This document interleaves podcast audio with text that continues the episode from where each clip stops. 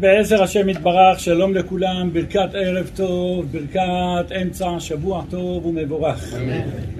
היום נעסוק בזוהר הקדוש עם ביאור מתוק מדבש מתוך קונטרס מיוחד ושמו גיטין וקידושין.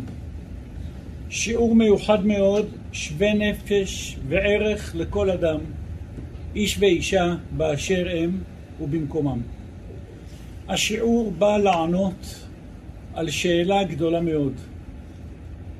הרבה פעמים אדם מוצא את עצמו בחיים במצב מסוים, עבר מה שעבר, היה איפה שהיה, עלה, ירד, קפץ, נשרף, התחדש, עד שבא ברוך השם אל המנוחה ואל הנחלה.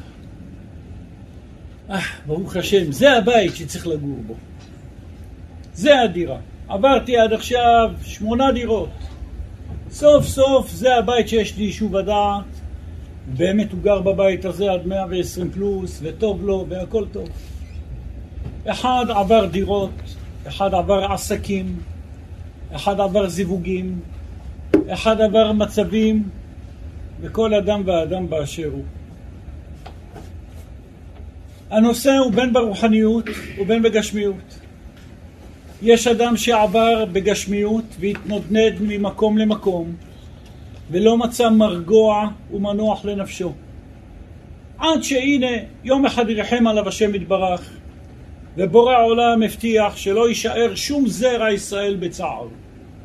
מי שייתן לו יד בסוף יקום. יקום! והנה בא היום והבן אדם קם והוא כבר הגיע אל המנוחה ולנחלה הוא שואל את עצמו, לאיפה הייתי עד היום? ריבונו של עולם, לא יכלת לעשות. מכה ראשונה הייתי מגיע אל המנוחה והנחלה. מה כל הטלטלת הזה, כל איפה שמתחרט על זה לא טוב, מה הייתי צריך את כל זה? וכל אדם באשר הוא. זה בדירות שגר ועבר וגר ועבר וגר ועבר ובסוף הגיע למקום ולפעמים אפילו זה המקום הראשון שהוא ראה. רק הוא לא לקח אותו אז ועכשיו פתאום לקח. וזה בעבודה או במשלח יד, במקצוע וזה בזוגיות גם. עבר מה שעבר, היה מה שעבר, חי, הביא, הוליד, קרה בסופו של דבר לא יצא מזה כלום לכאורה ובאיזשהו גיל, באיזשהו מצב, מצא את עצמו, מה תגיד, לא יכלתי להכיר אותך כשהיית בת 18? לא יכלת להכיר אותי כשאני הייתי מכה ראשונה? איפה הלך כל הימים האלה? ריבונו של עולם, מה? לא חבל על הזמן שנשרף? זה רבותיי שאלה שנשאלת בגשמיות ויש שאלות גם רוחניות אדם נולד בבית מסוים, לא תורני בדיוק או כן תורני, ועם השש עשרה טיפש עשרה הגיע לאיפה שהגיע. והלך מדחי אל סחי ומסחי אל דחי והסתובב איפה שהסתובב. ומה לא עבר בחיים? ויהי היום ויפקח אלוקים את עיניה, חזר, חזרה בתשובה. והגיע למקום וליעד שלו, והוא שואל את עצמו, איי, כל השנים של הוורד, שנות הילדות, אומרת הגמרא, ינקותא כלילה דוורדה. גיל הצעירות, גיל הילדות, זה כתר של שושנים. את כל הכוחות, את כל ההון, את כל האנרגיות הטובות, איפה שמתי אותם בחיים? והוא בוכה עם עצמו, אללה חבל תאמין לי שלא הלכתי בדרך המלך, חבל שלא הייתי עבד השם והייתי נותן את כל הכוחות ואת כל מה שיש לי במקום ההוא, מתאונן ובוכה. בין זה שבגשמיות ובין זה שברוחניות, שניהם עד היום הזה לא מצאו את עצמם. ויהי היום, נפתחו עיניהם, הגיעו בסייעתא דשמיא אל היעד, אל המנוחה ואל הנחלה, וכולם בוכים. איפה היינו עד עכשיו?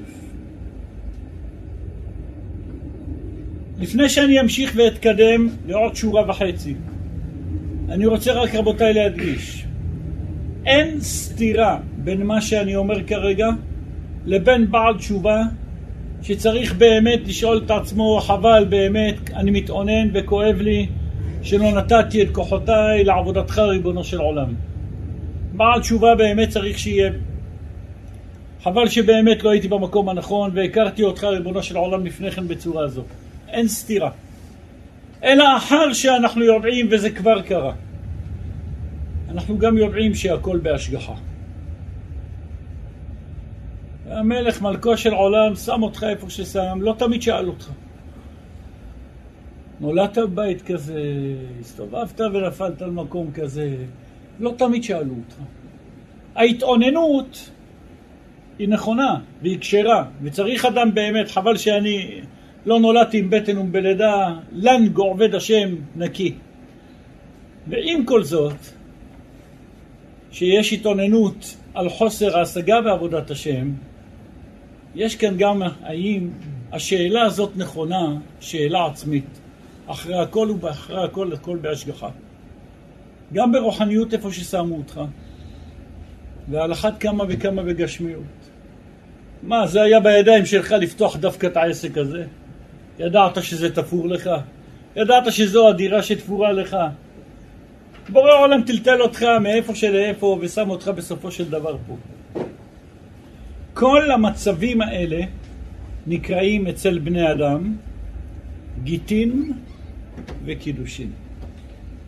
היית במקום מסוים ולא מצאת את עצמך. ויהי היום, השתחררת בחסדי השם משם. יש לך גיטין למקום שהיה.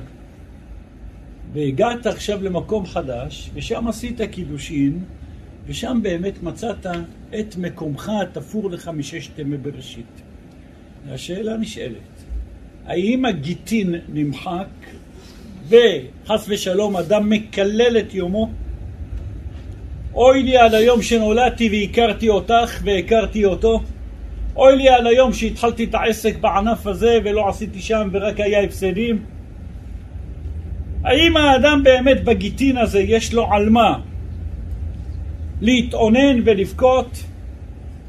או שבאמת מר עולם היה לו עניין בגיטין, כי אם לא זה לא היית מגיע לקידושים. זו שאלת המפתח היום בשיעור שלפנינו.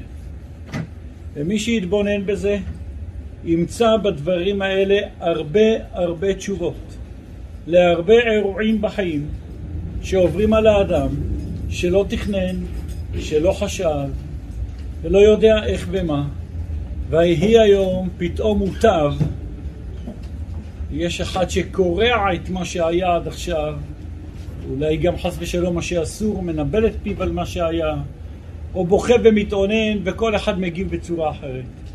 ויש אחד אחר שמבין שלולא המקום ששם אותו בורא עולם לפני כן, הוא לא היה לעולם זוכה אל המקום המיוחד ששם אותו עכשיו. והיה חייב לעבור את הכל, ואין דרך אחרת. וזה היה חלק מהתיקון, והוא חלק מן הקידושין. כל אלו רבותיי, ונעמוד על זה תכף עדי כתב, בקונטרה שלפנינו, כאשר אם ירצה השם וברוב חסדיו. בשיעור המיוחד הזה, אני תיקונים לא יודע לעשות, אבל אני יודע ומשתדל על כל פנים ללמוד תורה. בשיעור המיוחד היום נעשה אם ירצה השם שני סיומי מסכתות, ממש כפשוטו. סיום מסכת גיטין, עם קדיש והכל, וסיום מסכת קדיש, קידושין אחר כך, בסוף השיעור. שני המסכתות יעשו כאן, ובזה נעשה תכלה שנה וקלילותיה, תחל שנה וברכותיה. אם ירצה השם. ידידנו היקר, חברנו היקר, השם ישמעו ויחייהו, רחמים, ישב ועסק בתורה, והוא יעשה כאן ציומי המסכתות, בעזרת השם יתברך, ואנחנו ערבים זה לזה, כולנו חבורה אחת. הכל נשאר במשפחה. הסיום של החלק וההתחלה של החלק. אבל עוד שורה ושורותיים טרם ניכנס פנימה. כאשר השיעור שלנו כולו כמעט מאמרים ברצף, מאמרי הזוהר הקדוש עם ביאור מתוק מדבש.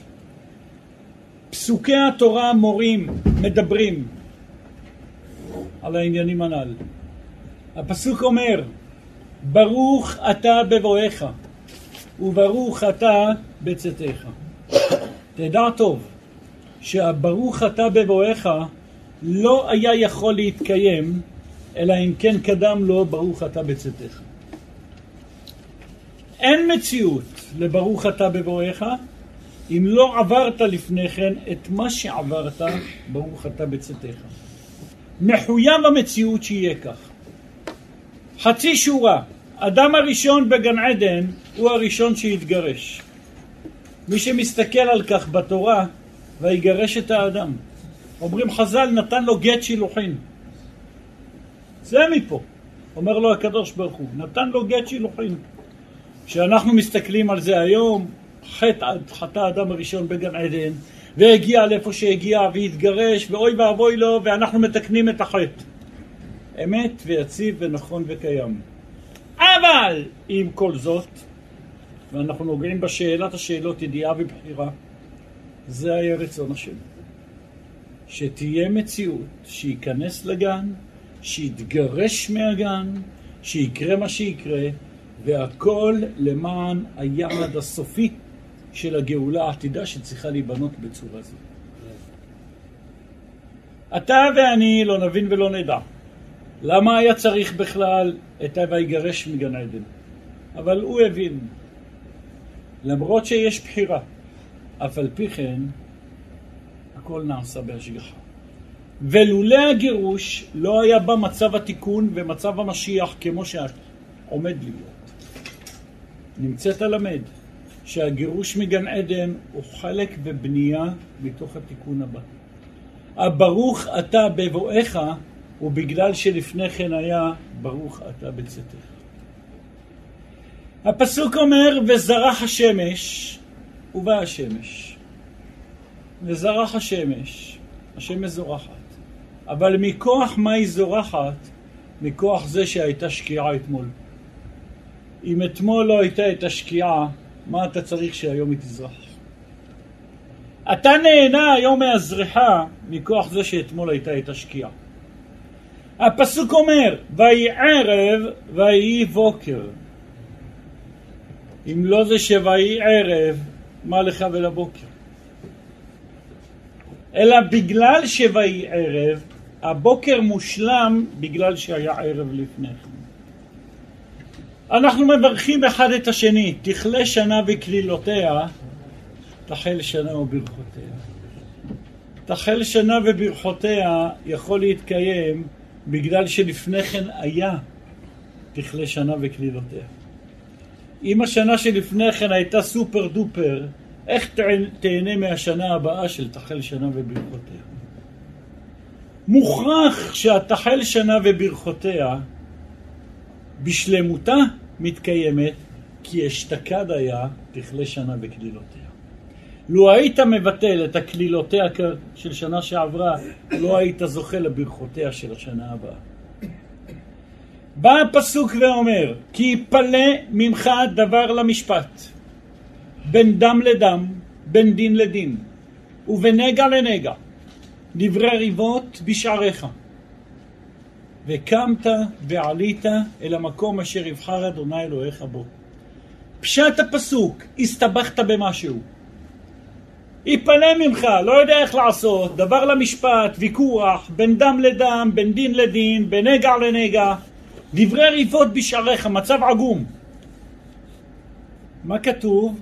וקמת ועלית אל המקום אשר יבחר השם אלוקיך בו. אם לא היה את הדברי ריבות, אתה לא היית וקמת ועלית. בגלל שהיה יפלא ממך, בגלל שהיה דברי ריבות, אז אתה זוכה וקמת ועלית. נמצאת למד שהעלייה מוכרח שקדם לה מצב של הירידה. הקידושין האמיתיים היה מוכרח שיקדם להם מצב הגיטין. אם לא זה, מה אתה עושה בזה? אני אבטא את זה במשפט אחד. יש לוח שנה, ויש שני לוחת, סוגי לוחת שנה.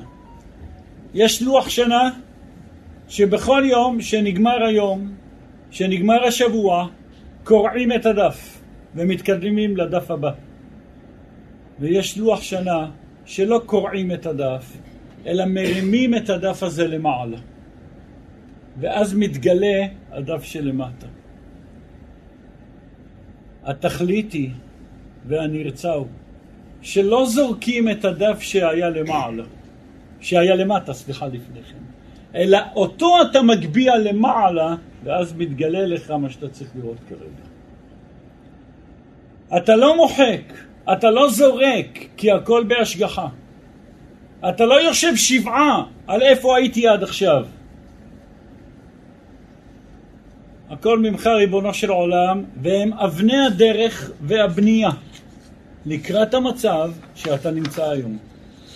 העולם שואל שאלה, מדוע במסכתות הש"ס, ברכות, שבת, עירובין, מסכתות הש"ס, מסכת גיטין מוקדמת למסכת קידושין.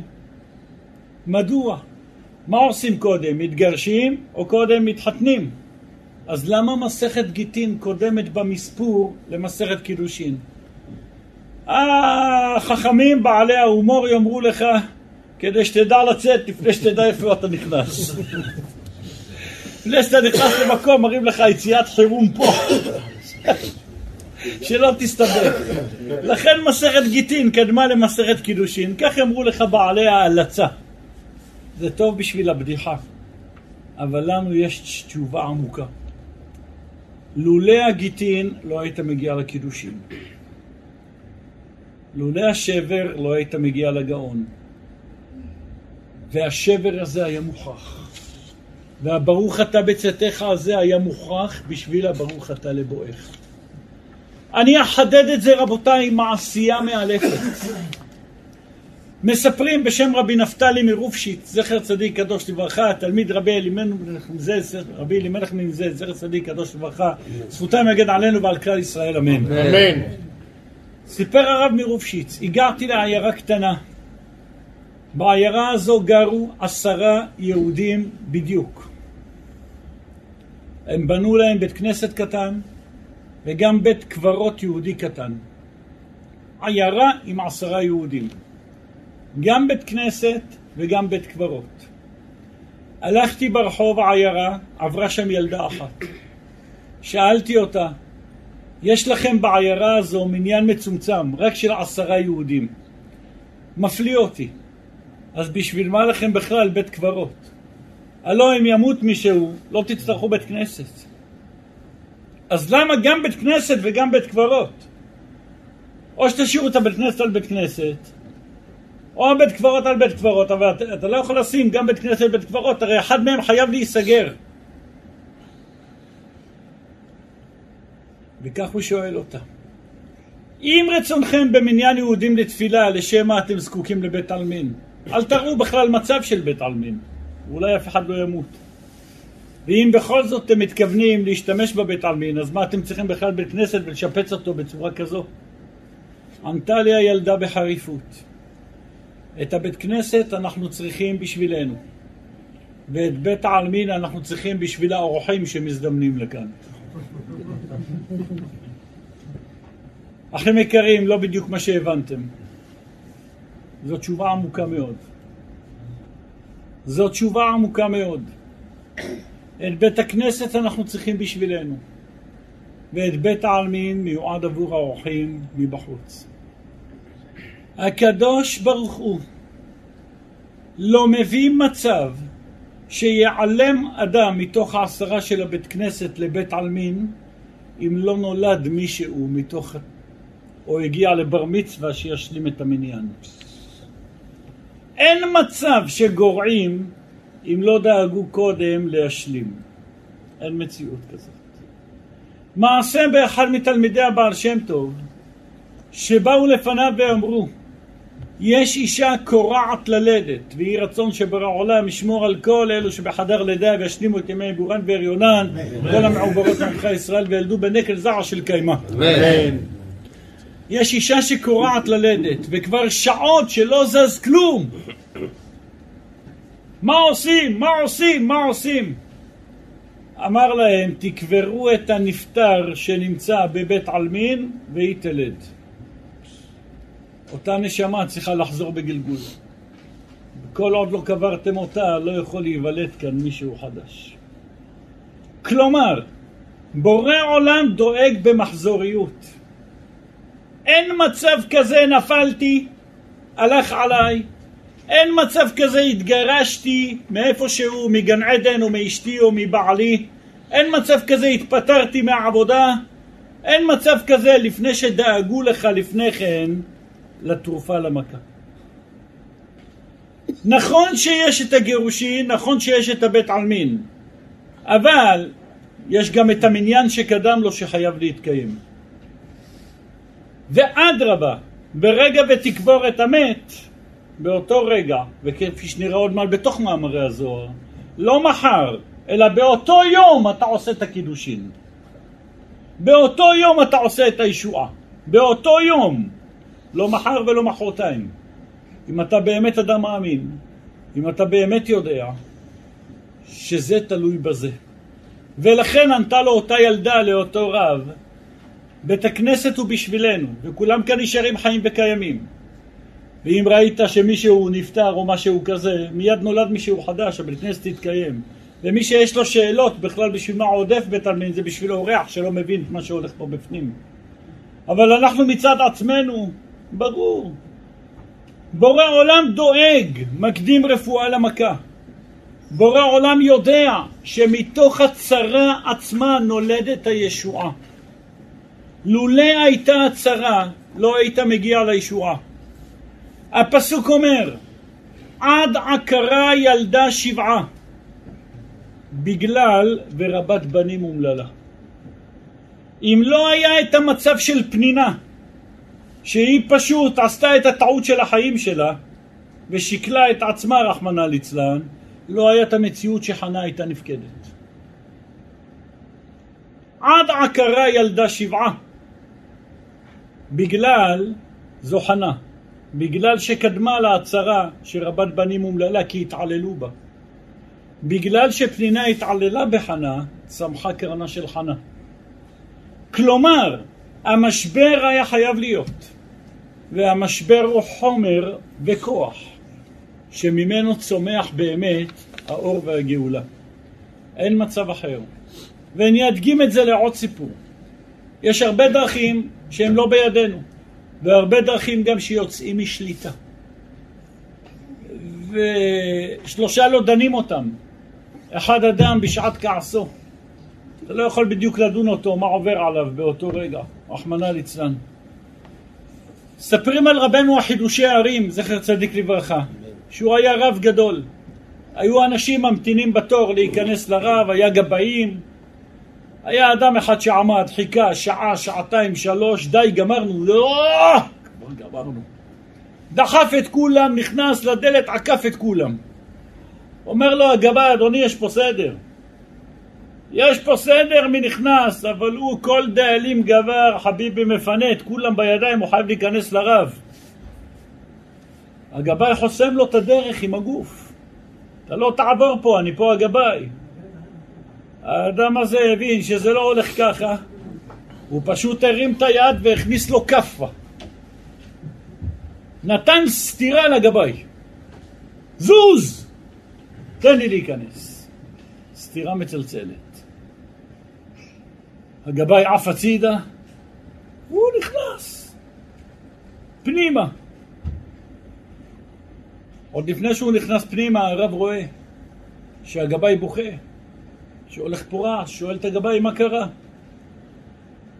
אומר לו, בן אדם הכניס לי סטירה, אני עמדתי פה לשמור שלא כנסו לרב. בן אדם הכניס לי סטירה. אומר הרבי שלא ייכנס. אם זה ככה שלא ייכנס. הוא מתחיל לבכות, ואומר לרב, הרב, אני כמה שנים, רחמנא ליצלן, מצפה לילדים. ריבונו של עולם, אני רוצה ילד. אני רוצה ילד, כל כך התאמצתי, מה לא עשיתי בשביל להביא ילד לעולם? זו התקווה האחרונה שלי, מי ששרוי בלא בנים, רחמנא ליצלן, זה לא פשוט. מה לא עשיתי? שמעתי שיש כאן רב, יש כאן צדיק, החלטתי להיכנס, חיכיתי שלוש שעות, נגמר לי כבר הבטריה, לא... אל תדון אותי, נכנסתי, לא יכלתי כבר שמישהו עומד מולי, הכנסתי לו סטירה בטעות, מה אני אעשה? אומר לו הרב, לך תבקש קודם כל סליחה מהגבאי. תבקש סליחה מהגבאי לפני שתדבר איתי. עומד הגבאי, והוא שומע. השמש עומד בפתח. אומר הגבאי, כבוד הרב, אני לא מוכן למחול לו. הוא הכניס לי סתירה כזאת, אני לא מוכן למחול. רק בתנאי אחד. בתנאי שהרב יברך אותו בזרע של קיימה. רק אז אני אמחל לו. הרב בירך אותו, ואכן נפקד. מי שמסתכל על הסיפור הזה, בוא תראה. יצא מהכלים, הכניס סטירה לגבאי. קדוש ברוך הוא גלגל פה בתכלס, בשורה האחרונה, מעשה עגום.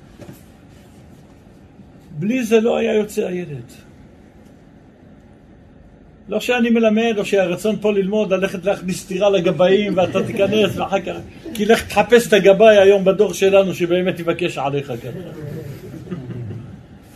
אמרו מיום שגחזי הלך כל הגבאים, רובם, שם ירחם.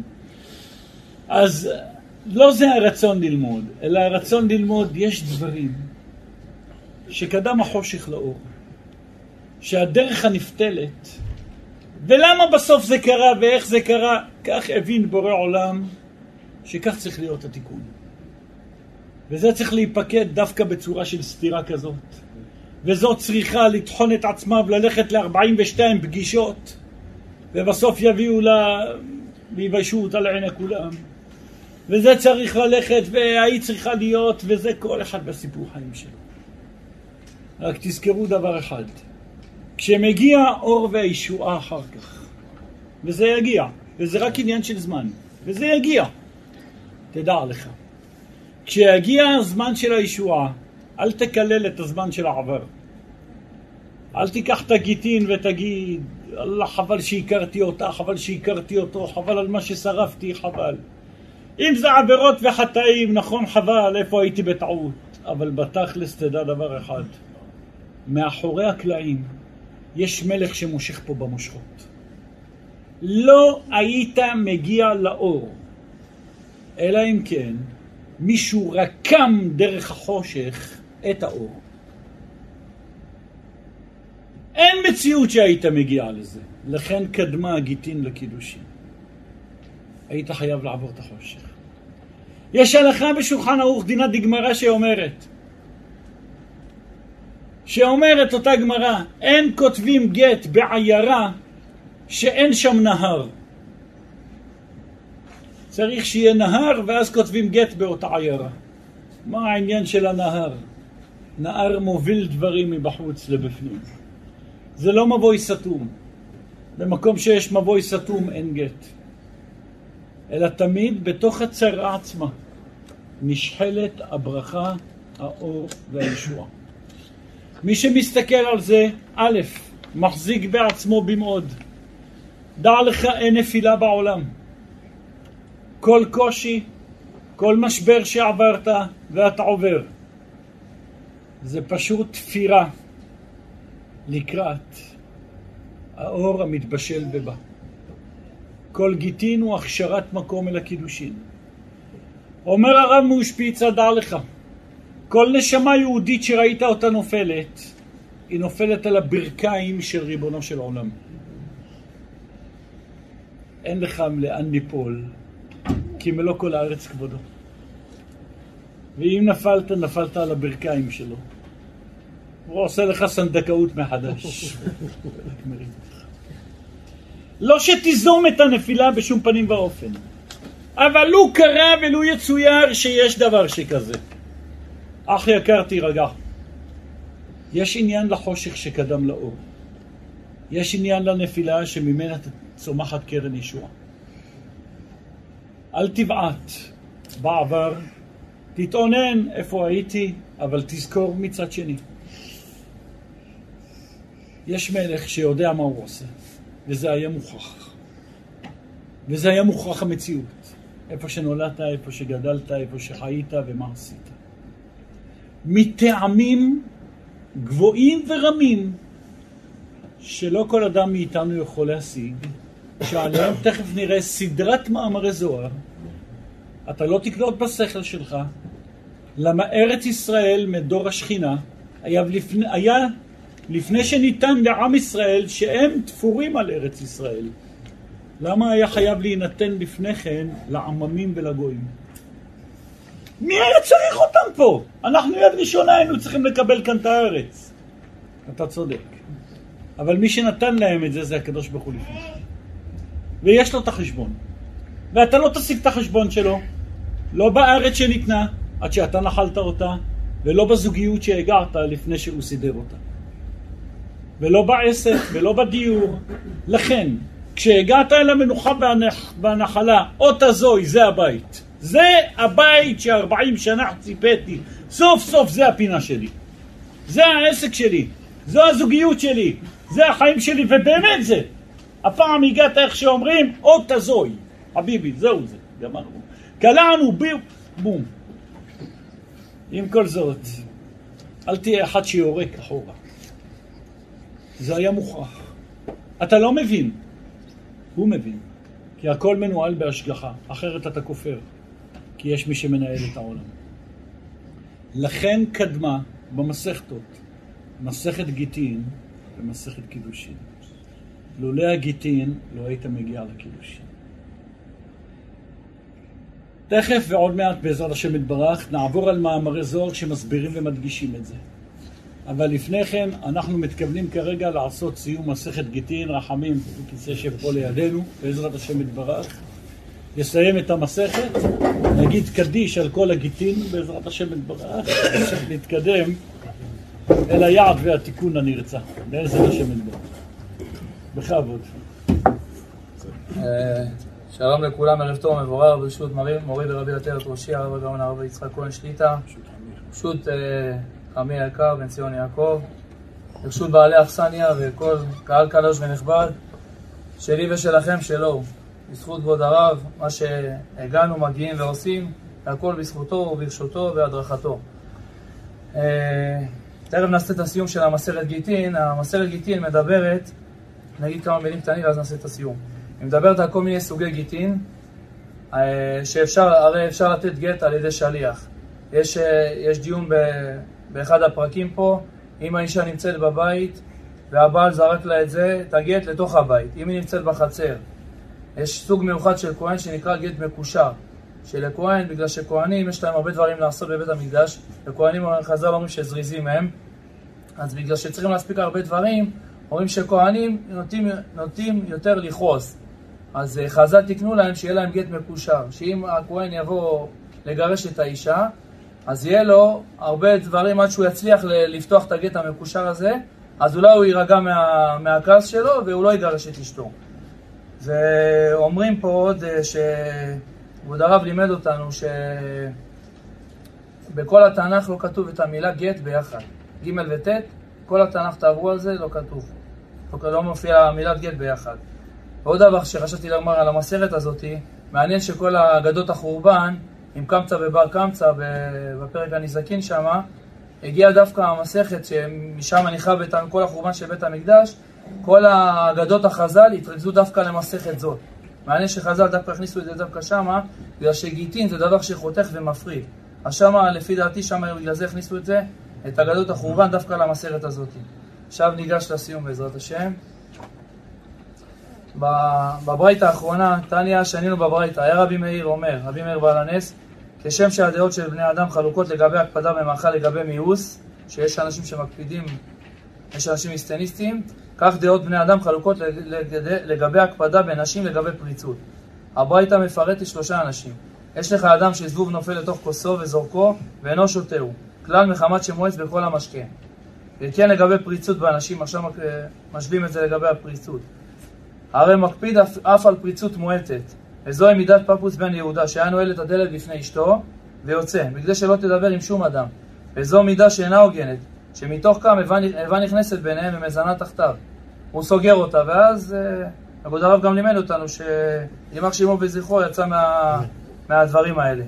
יש, יש עוד אדם שני, יש לך אדם שזבוב נופל לתוך כוסו וזורקו, ושותהו את המשקה ואינו מאוס עליו.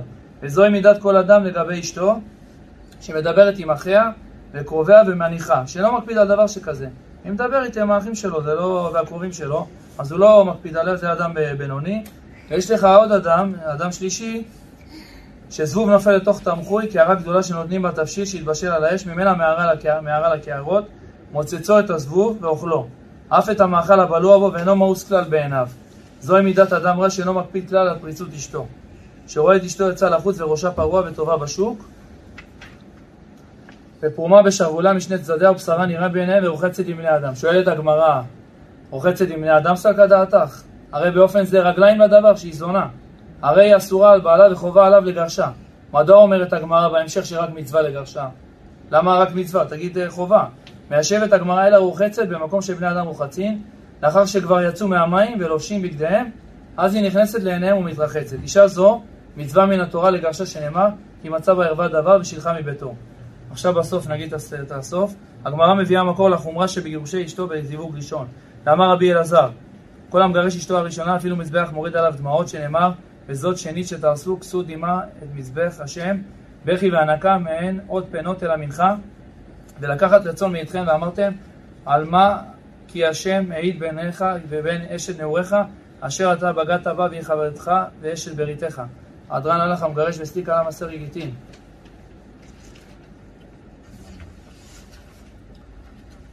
הדרן הלך מסר גיטין והדרן הלך, והדרך הלן, דעתן הלך מסר גיטין ודעתן הלך, נא נשמינן מסר גיטין, לא נשמינן, לא בעלמא הדין ולא בעלמא דעתה. הדרן הלך מסרת גיטין והדרך הלן, דעתן הלך מסרת גיטין ודעתך הלן. לאן נשם מנך מסרת גיטין, למה נשם מנך לא בעלמא דעתין ולא בעלמא דעתה. הדרן הלך מסרת גיטין והדרך הלן, דעתן הלך מסרת גיטין ודעתך הלן. לאן נשם מנך מסרת גיטין, לא נשם מנך לא בעלמא הדין ולא בעלמא דעתה. יהי רצון לפניך, אדוני אלוהינו ואבותינו, שתהיו תורתך ומנעותינו בעולם הבא. בעולם הזה ותהיה עמנו לעולם הבא. חנינא בר פפא, רמי בר פפא, נחמן בר פפא, חי בר פפא, אבא מרי בר פפא, רפרם בר פפא, רכיש בר פפא, סוכה בר פפא, הדר בר פפא, דרו בר פפא.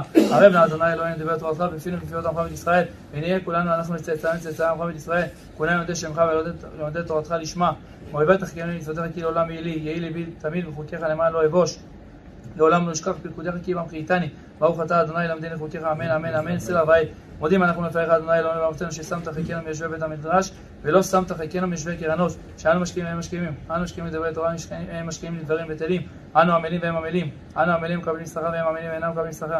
אנו רצים והם רצים אנו רצים בחיי עולם הבא מרצים לעבר שחת. שנאמר ואתה אלוהים תורידם לעבר שחת אשר דמים וממה לא יחץ ימיהם ואני אפתח בך. יהי רצון לפניך אדוני אלוהי כשם שעזרתני ישראל מסרת גיטין כן תעזרני להתחיל מסכתות בספרים אחרים ולסיימם, ללמוד אדוני לשמור לעשות ולקיים את כל דברי תלמוד תורתך באהבה, ולזכות כל התנאים והאמוראים ותלמידי חכמים יעמוד לי ולזרי ולשלא ימוש התורה מפי ומפי זרי וזרע זרי עד עולם, ותתקיים בי מתהלכך תמחה אותך, ושוברך תשמוך עליך וקיצות העת תסריכך, כי בירבו ימיך והוסיף לך שנות חיים, אורך ימים בימינה ובשמאלה ראשו בכבוד, אדוני עוז לעמו ייתן, אדוני יברך את עמו בשלום. יתגדל ויתקדש שם מהרבה, ועמד ולעתיד התחלתה וחיים את הארץ סקה לחיי הזמן ומבני קרתה לירושלים ושלפלה יחלה בגבר מרכבה פולחנה דמוכנה מערה ולטבע פולחנה דשמיא לאתרי וימליר בערך הוא במלכותי ויקרא ויתנוע פולחני ויקרא משיחי אמן ויכון וביומכון וחי לראות ישראל בעגלה ובזמן הקראים עמו אמן אמן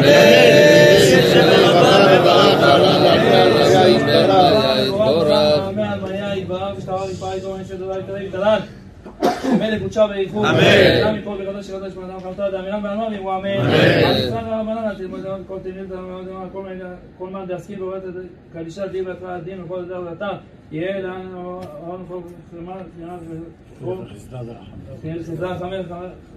רבה קנאה כזה חמיר חייל וחיים ומזונה ובגלל פוגעים קדם אמנה ישמע ואמר ישמע והרב אמרו אמן. יש לאמר רבה משנה חיים וצרה ושנה חמה שתרה פה וצרה פרה ורבע והצלה. נעל כל עמו ישראל אמרו אמן. עושה שלום במרומה עבור החמה יעשה שלום עלינו ועל כל עמו ישראל אמרו אמן. חזק וברוך. טוב לי טוב לי תורתך טוב לי טוב לי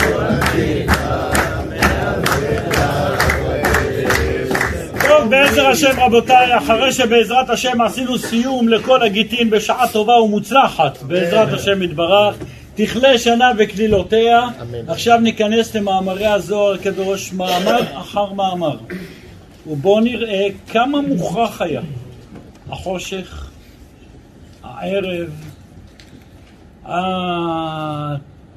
השנה וקלילותיה, עצתך, כדי שיהיה אחר כך ברוך אתה בדרך. השכל שלנו לא תופס, אנחנו לא משיגים. יבוא הזוהר ויאמר, יש משהו נעלם מעיני השכלים שלנו. למה קדם דווקא הרע לטוב והחושך לאור? ולמה היה צריך שתהיה בסיטואציה של גיטין בשביל שתגיע אחר כך לקידושין? לא תבין את זה, נקרא בפנים.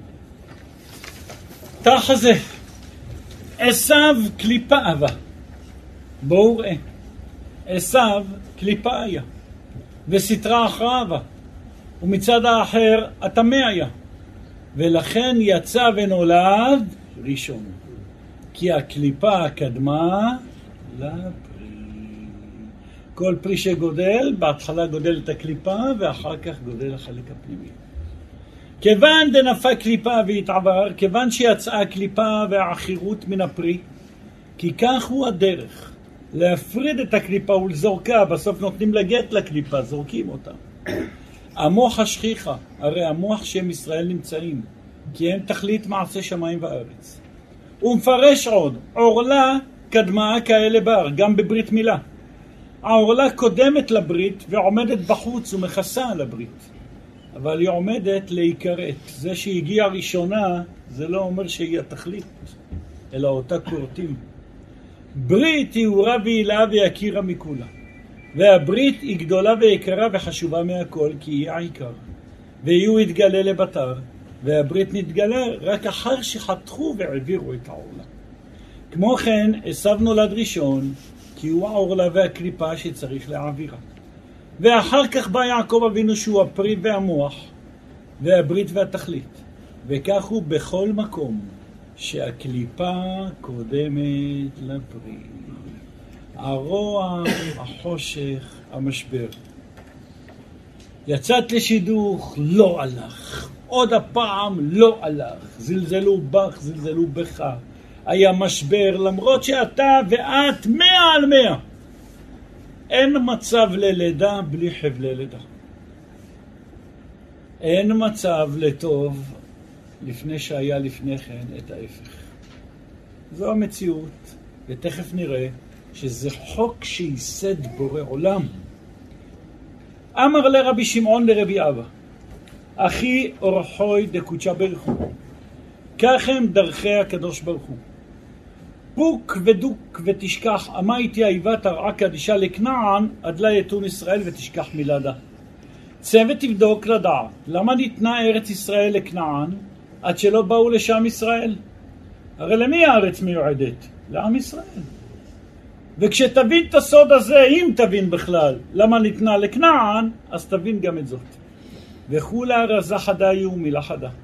כי הכל הוא סוד אחד ודבר אחד. והיינו, שכן ייסד המלך מלכו של עולם, שתקדים ממשלת החושך והקליפה בעולם, ואחר כך תבוא ממשלת האור והקדושה. בסוד, אלה המלכים אשר מלכו בארץ אדום, לפני מלוך מלך לבני ישראל. שמונה מלכים מלכו, הם לא בני ישראל. ובסוד ויצא הראשון אדמוני שהוא סוד הקליפה. ובסוד מי ייתן את האור מטמא. קודם חייב שיהיה את הטמא. אם אין את הטמא, לא תגיע לטהור. אחים יקרים, מי שיתבונן במה שלמדנו עד עכשיו, שזה גזירת מלכו של עולם, וזה סוד, לעולם לא יגיע לידי משבר. גם אם עובר עליו מה שעובר, זה חייב לעבור. אין דרך אחרת. אין דרך לאישה ללכת ללדת עם ביטול צירי מוחלט. אין שום תרופה, ואף אחד עוד לא המציא דרך כזאת. שתהיה לידה טבעית בלי שום צירים. חייב שיהיה משהו. כל אחד בדרגות שונות ומשונות. אם זה הלידה, ואם זה כל עניין ועניין שאדם בדרך לייעוד שלו פה בעולם. לפני כן חייב שיקדם החושך. אדם שמבין את זה, לעולם לא נרתע, לעולם לא נשבר.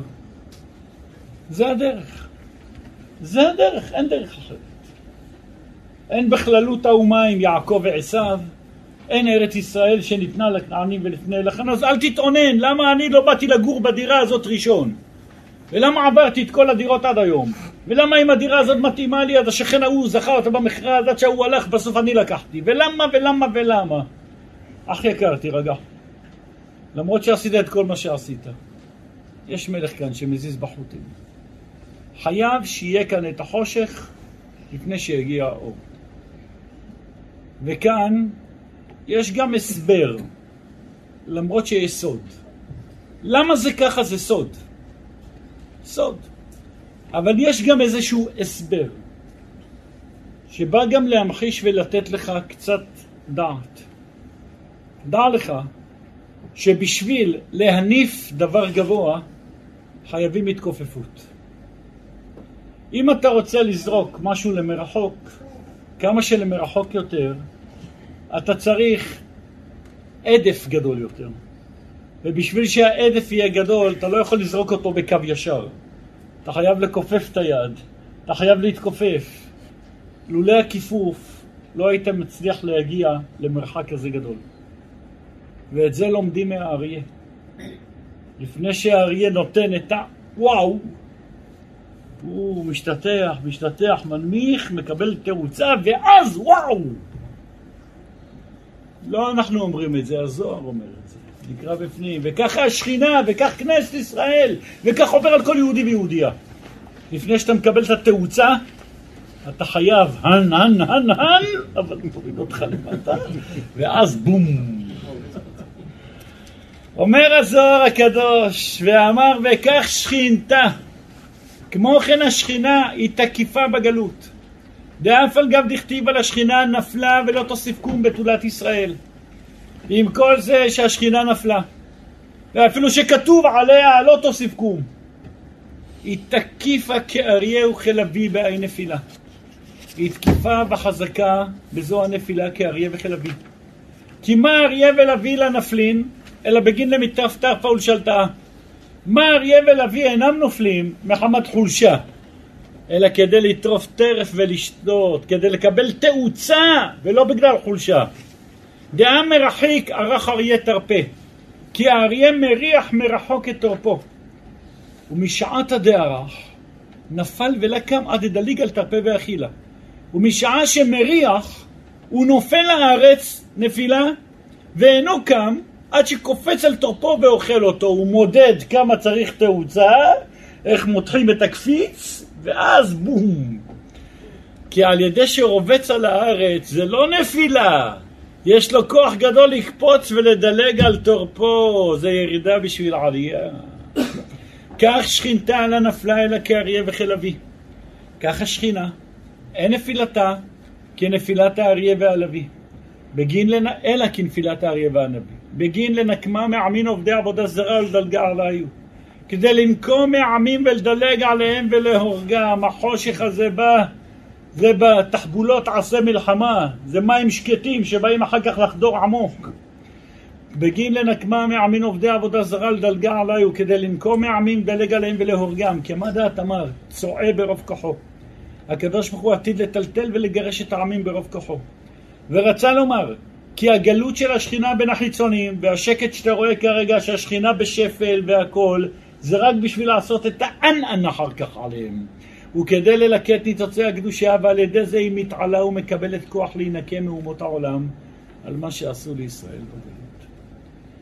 גם השכינה, כשאתה רואה אותה בשקט, ואתה רואה אותה כרגע בהסתר פנים, והסתר שבתוך ההסתר, והסתרה שבתוך ההסתרה, זה לא בגלל ש... איפה היא? מה, לא מסתכלים עליי מהשמיים? מה? אין מוחין, אין זה. זה רק בשביל ה... ה... ה... ה... בשביל אחר כך לקבל תאוצה. וכך הוא המוכרח, אחים יקרים, שיעבור על כל יהודי ויהודייה. דע לך כמה שהחושך גדול יותר. זה רק בשביל לקבל את התנופה והתעוזה אחר כך ביתר שאת ויתר עוז. ואם ראית שהכי קשה, סימן שהזינוק הפעם הולך להיות חזק יותר.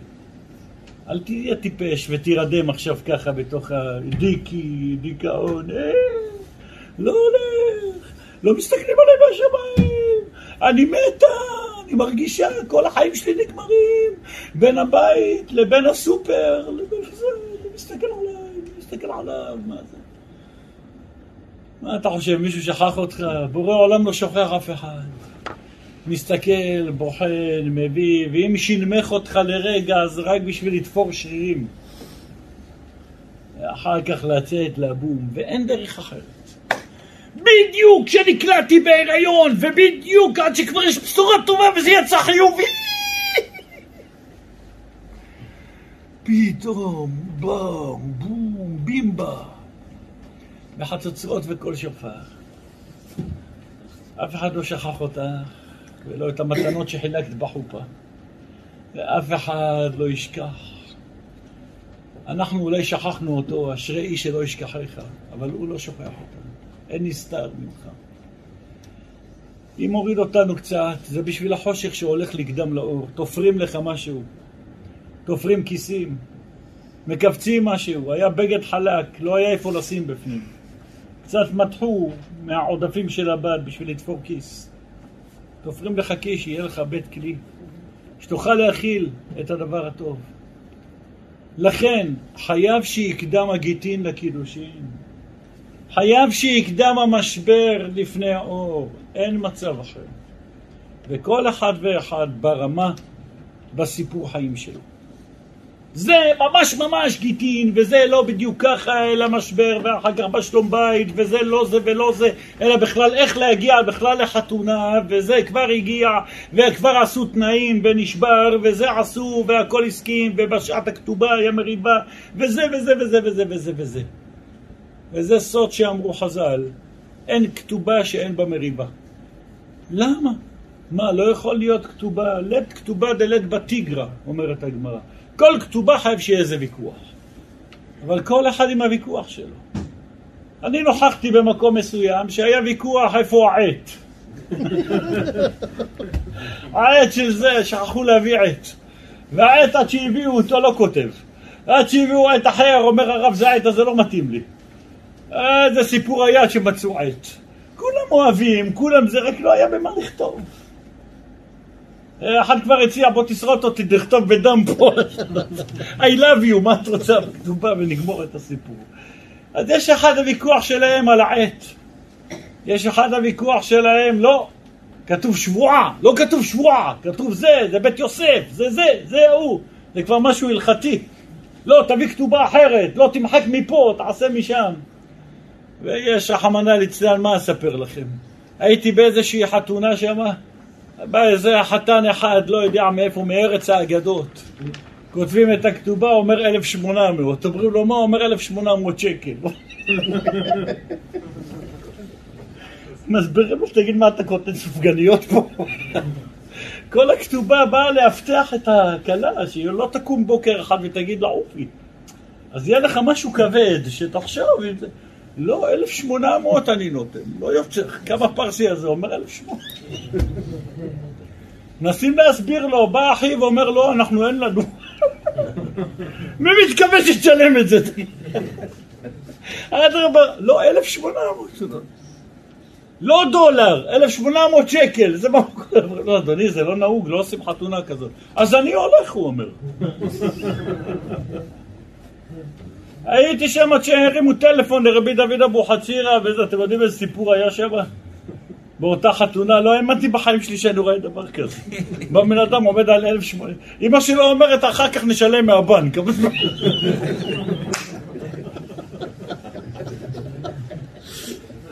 לא, לא, חשבתי אני בסרט, אני לא יודע איפה אני נמצא.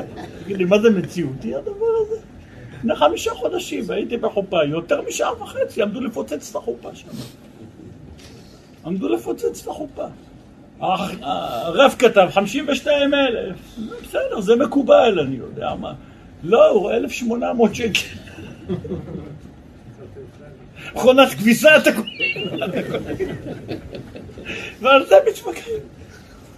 בסוף היה הצעה, הרב שלו הלך להתקשר לרבי דוד אבוחצירא, אמר לו, תשמע, מה שכתבו, כתבו, אגיד לחתן מה שקורה, שידעו משפחת הכלה שהם זכו בחתן.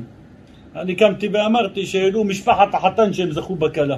ואם הבחור טוב, שייקח אותו הרב לבת שלו. נקודה, חד משמעית. מה זה 1,800 שקל?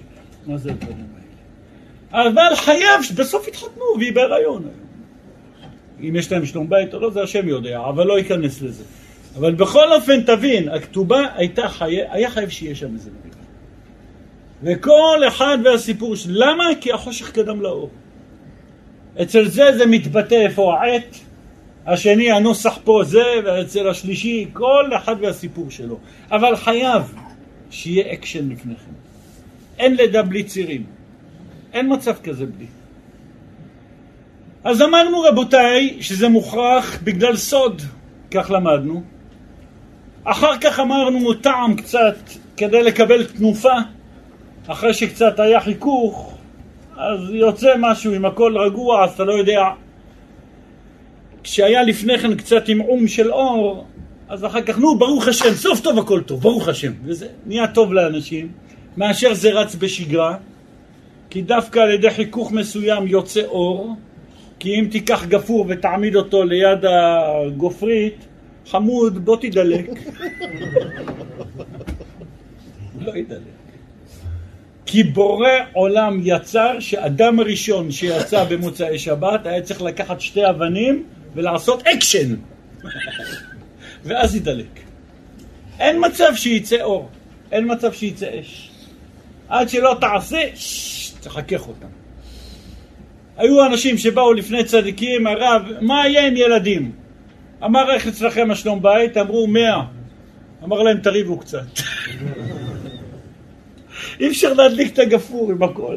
זה לא עצה בשבילנו, כל אחד יש לו מספיק גם כן עם עודפים. אלה היו אנשים שפשוט מה שהוא אומר היא אומרת כן, מה שהיא אומרת כן הוא אומר כן. חביבי, אתה מעמיד גפור ליד... זה לא ידלק. בשביל להוליד משהו צריך חיכוך. חייב שיהיה. החושך חייב שיקדם לאור. כך יסד בורא עולם בחוכמתו. ותדע לך שכגודל החיכוך, כך אחר כך גודל האור. אינו דומה חיכוך של גפורון קטן לבין הרים שמתחככים ולבות אש שיוצאות משם והרגע. כל חיכוך מביא אחר כך לפי הרמה שלו. האריה לפני שהוא מזנק, כמה שהוא מותח יותר את ה... ככה גם כן אחר כך התאוצה תהיה גדולה יותר. אבל זה חייב להיות, אין מצב אחר. ויש גם ממתק קטן מן הצד. לא תדע להעריך לעולם דבר שבא בקלות. כל מה שבא בקלות, איך אומרים, בא בקלות, הולך בקלות. אבל דבר שעשית משהו, שהשקעת משהו, תדע טיפה להעריך אותו. כי בא בחינם, בא, איך אומרת הגמרא, אסיה דמגנה, מגנה. רופא של חינם, הרפואה שלו שווה לכפרות. לא שווה. צריך שיהיה משהו פה. צריך שתהיה השקעה כדי שתדע להעריך את הקיים. ולכן חייב שיהיה חושך לפני כל אור. אחרת לא תדע להעריך את זה. לא תדע ליהנות ממה שיש לך ביד. נקרא בפנים. הנה מה שכתוב, על זה יש לנו שיעור שלם ששמו יתרון האור. הנה מה שכתוב, כי יתרון האור מן החושך. היינו, תועלת דנהורה לעתיה, אלא מן חשוכה. התועלת, האור, אינה באה, אלא מתוך החושך. וכן תיקונא דחיברא מאי, הוקמה. התיקון והיופי של מראה הלבן מהו? מראה השחור. כי אילמא לאוקמה לה אשתומדה חיברא. אם לא גוון השחור ששובר פתאום את הלבן, לא היה נראה מראה ויופי הלבן. ובגין אוקמה הסתליק חברה והתייקר. בשביל שיש גוון שחור, מתעלה הלבן ומתכבד. כדרך הציירים שעושים שפה של צבע, הכוונה מסגרת. שפה של צבע שחור סביב לציור, כדי לתת יופי ונוי לצבע הלבנינות שבציור. המסגרת השחורה מייפה את מה שנמצא בפנים בלבן. אמר רבי יצחק, משל למתוק במר, דלה ידע אינה שטעמה דמתיקה עד את עי מרירה. שאין אדם יודע חשיבות טעם המתוק עד שטועם תחילה את הטעם של המתוק. הרי מן עביד לאי מתיקה, מי עושה את מעלת המתוק? ואומר, אי מרירה. הרי אומר, זה שטעם תחילה את המר. רצה לומר, אחרי שטעם טעם מר, אם לטעום אחר כך את המתוק, להעביר את המרירות, אז יכיר את ערכו וישבחו ושבחו. והיינו דכתיב, וזהו שכתוב, גם את זה לעומת זה, דהיינו הקדושה לעומת הסטרא אחרא עשה אלוהים. כדי להראות את מעלת הקדושה, כי אין דבר מתחזק אלא מאבקו כנ"ל. לכן חייב שיהיה חושך כדי שתכיר את האור, חייב שיהיו את הגויים כדי שתכיר את מעלת ישראל, חייב שיהיה גם כן באיזשהו צד, לא שאנחנו עושים את זה לכתחילה, אלא שעבר את המשבר כדי שתדע להעריך איפה אתה נמצא. אם אתה תקום יום יום אוטומט לסליחות בבוקר, באותה שעה, באותו זמן, והכל יזרום, 40 יום! מראש שנה עד יום הכיפורים, לא נפלת יום אחת. לא תדע להעריך את זה, אלא אם כן. יום אחד קמת על הקשקש, והלב שלך היה חצי פה, חצי שם, ועמדת להתעלף, אתה מפספס את היום. ואז רצת בכל כוחך וישבת והתנשבת. יש לפעמים גם שפספסת את היום. אבל לא נפלת והמשכת למחרת, או באותו יום הלאה, וכולי. אין האור ניכר, אלא שחייב שיהיה חושך לפניכם. ולפעמים זו ממש נפילה, ופספסת את הסליחות לגמרי. ואני מדבר ברמות של צדיקים, כי כאן ועמך כולם צדיקים, מסיימים מסכתות, אז מה הנפילות פה, ברוך השם. את הסליחות. אבל יש אנשים קצת בפלמנטות אחרות, נמצאים בגלקסיות אחרות, שאיפה נפלו ומה היו. וזה לא משנה מה ומי. כל תכלית הגיטין זה רק בשביל אחר כך שתזכה לטעום את הקידושין, תזכה לראות את האור וליהנות ממנו. אם הכל היה באוטומט, לא היית טועם ולא היית נהנה. אז למדנו רבותיי שיסוד בדבר למדנו שככה דרך בעולם, גם בכללות האומה לעם ישראל, ארץ ישראל, השכינה כאריה שחייבת כיפוף, ובכללות גם כל אדם ואדם חייב שתקדם לו קצת שחור, קצת חושך, כדי שאחר כך קצת מר, כדי שאחר כך ייהנה מהמתוק. אחד שקיבל ירושה בלי לעבוד ובלי כלום, והכסף של אבא שלו זורם על ימין ועל שמאל, הוא יודע להעריך כסף. הוא יודע מה זה טעם של כסף, הוא גם יכול לעשות הרבה שטויות עם הכסף. אבל אחד שעובד, אחד שבהגיע כפיים ואחד שקצת טרח, הוא יודע באמת, הוא חושב פעמיים מה הוא עושה, איך הוא עושה. שניהם נהנים, אבל הראשון נהנה בלי טעם ובלי ריח ובלי סיפוק. והשני, עמלתי על זה, עבדתי, עשיתי, הוכשרתי. קיבלת בית נקי אחרי בנייה, אחרי הכל, ממש נשאר רק להכניס רהיטים. ויש בית שקיבלת, אבל צריך פה לעשות עוד תיקון קטן, ופה עוד צבע, ופה עוד זה, ופה עוד ההוא. תסתכל בכלל כשאתה עושה את חנוכת הבית, מי זה שיושב ומתמלא קצת יותר בסיפוק? זה שקיבל את המפתח קומפלט והכל מוכן, או זה שיומיים לפני כן רץ וקצת יגע ועשה. זה שרץ ויגע, יש לו טעם קצת יותר. עבדתי על זה. חייב שהחושך יוקדם לאור. תן לילד כל מה שהוא, מה שהוא רוצה. אוי ואבוי מה שאתה עושה ממנו. אבל כשתמנע, לא תקבל מה שאתה רוצה, לא היום, מחר, לא ממתק לפני אוכל, אחרי אוכל, לא משחק עכשיו, אחר כך, זה מה שבונה אותו. מידת החסד ראה הקדוש ברוך הוא, רצה הקדוש ברוך הוא לברוא את העולם במידת החסד. ראה שהעולם לא יכול להתקיים. זה מדרשים הפוכים בחז"ל. אבל רש"י לא יכול להתקיים, שיתף את מידת הדין גם שם. העולם לא יכול להתקיים רק עם חסד, מידת החסד רק לתת, רק לתת, רק לתת. צריך שיהיה מידת הגבורה, הצמצום, כדי שתוכל ליהנות מהחסד. לכן, החושך קדם לאור. רגע, אבל למה אני בסולם ריכטר, בסולם איוב, צריך לקבל איסורים בטמפרטורה כזאת וההוא ככה? סוד שהקדוש ברוך הוא גזר, למה ארץ ישראל צריכה לנתן דווקא לשבעה עממים ולא לשבעים אומות. וסוד שהקדוש ברוך הוא גזר, למה כך וכך שנים זה צריך להיות אצלנו לפני שעם ישראל נכנסים. למרות שהקדוש ברוך הוא מבטיח לאברהם, זרעך אתן את הארץ הזאת. הוא רואה בעיניים את ההבטחה והוא לא מקבל. וזה אחד מעשרה ניסיונות של אברהם. והוא לא מקבל! מובטח זה שלך ואתה לא מקבל, אתה רואה אותם עוד מולידים שם וממשיכים שם והכל. חשבונות של בורא עולם. למה החושך חייב לקדם לאור? והחוכמה שלי ושלך בכל הסיפור הזה, כשאתה רואה את כל החושך, לא בגלל שאתה בירידה ואתה לא משיג כרגע, בגלל שאתה במצב גיטין, כרגע אתה כך. אז תאבד את העשתונות, ודי, והלך עליי, ומי יודע מה יהיה הסוף איתי, ואני טובע כבר בחושך הזה, ושום דבר לא זז. תדע שאחרי החושך באו. אל תישאר שם. כולם מכירים את הסיפור בליל פסח. מנהג ישראל בכל הקהילות. עושים קמחא דה פסחא. בכל מקום מחלקים לנצרכים וכולי.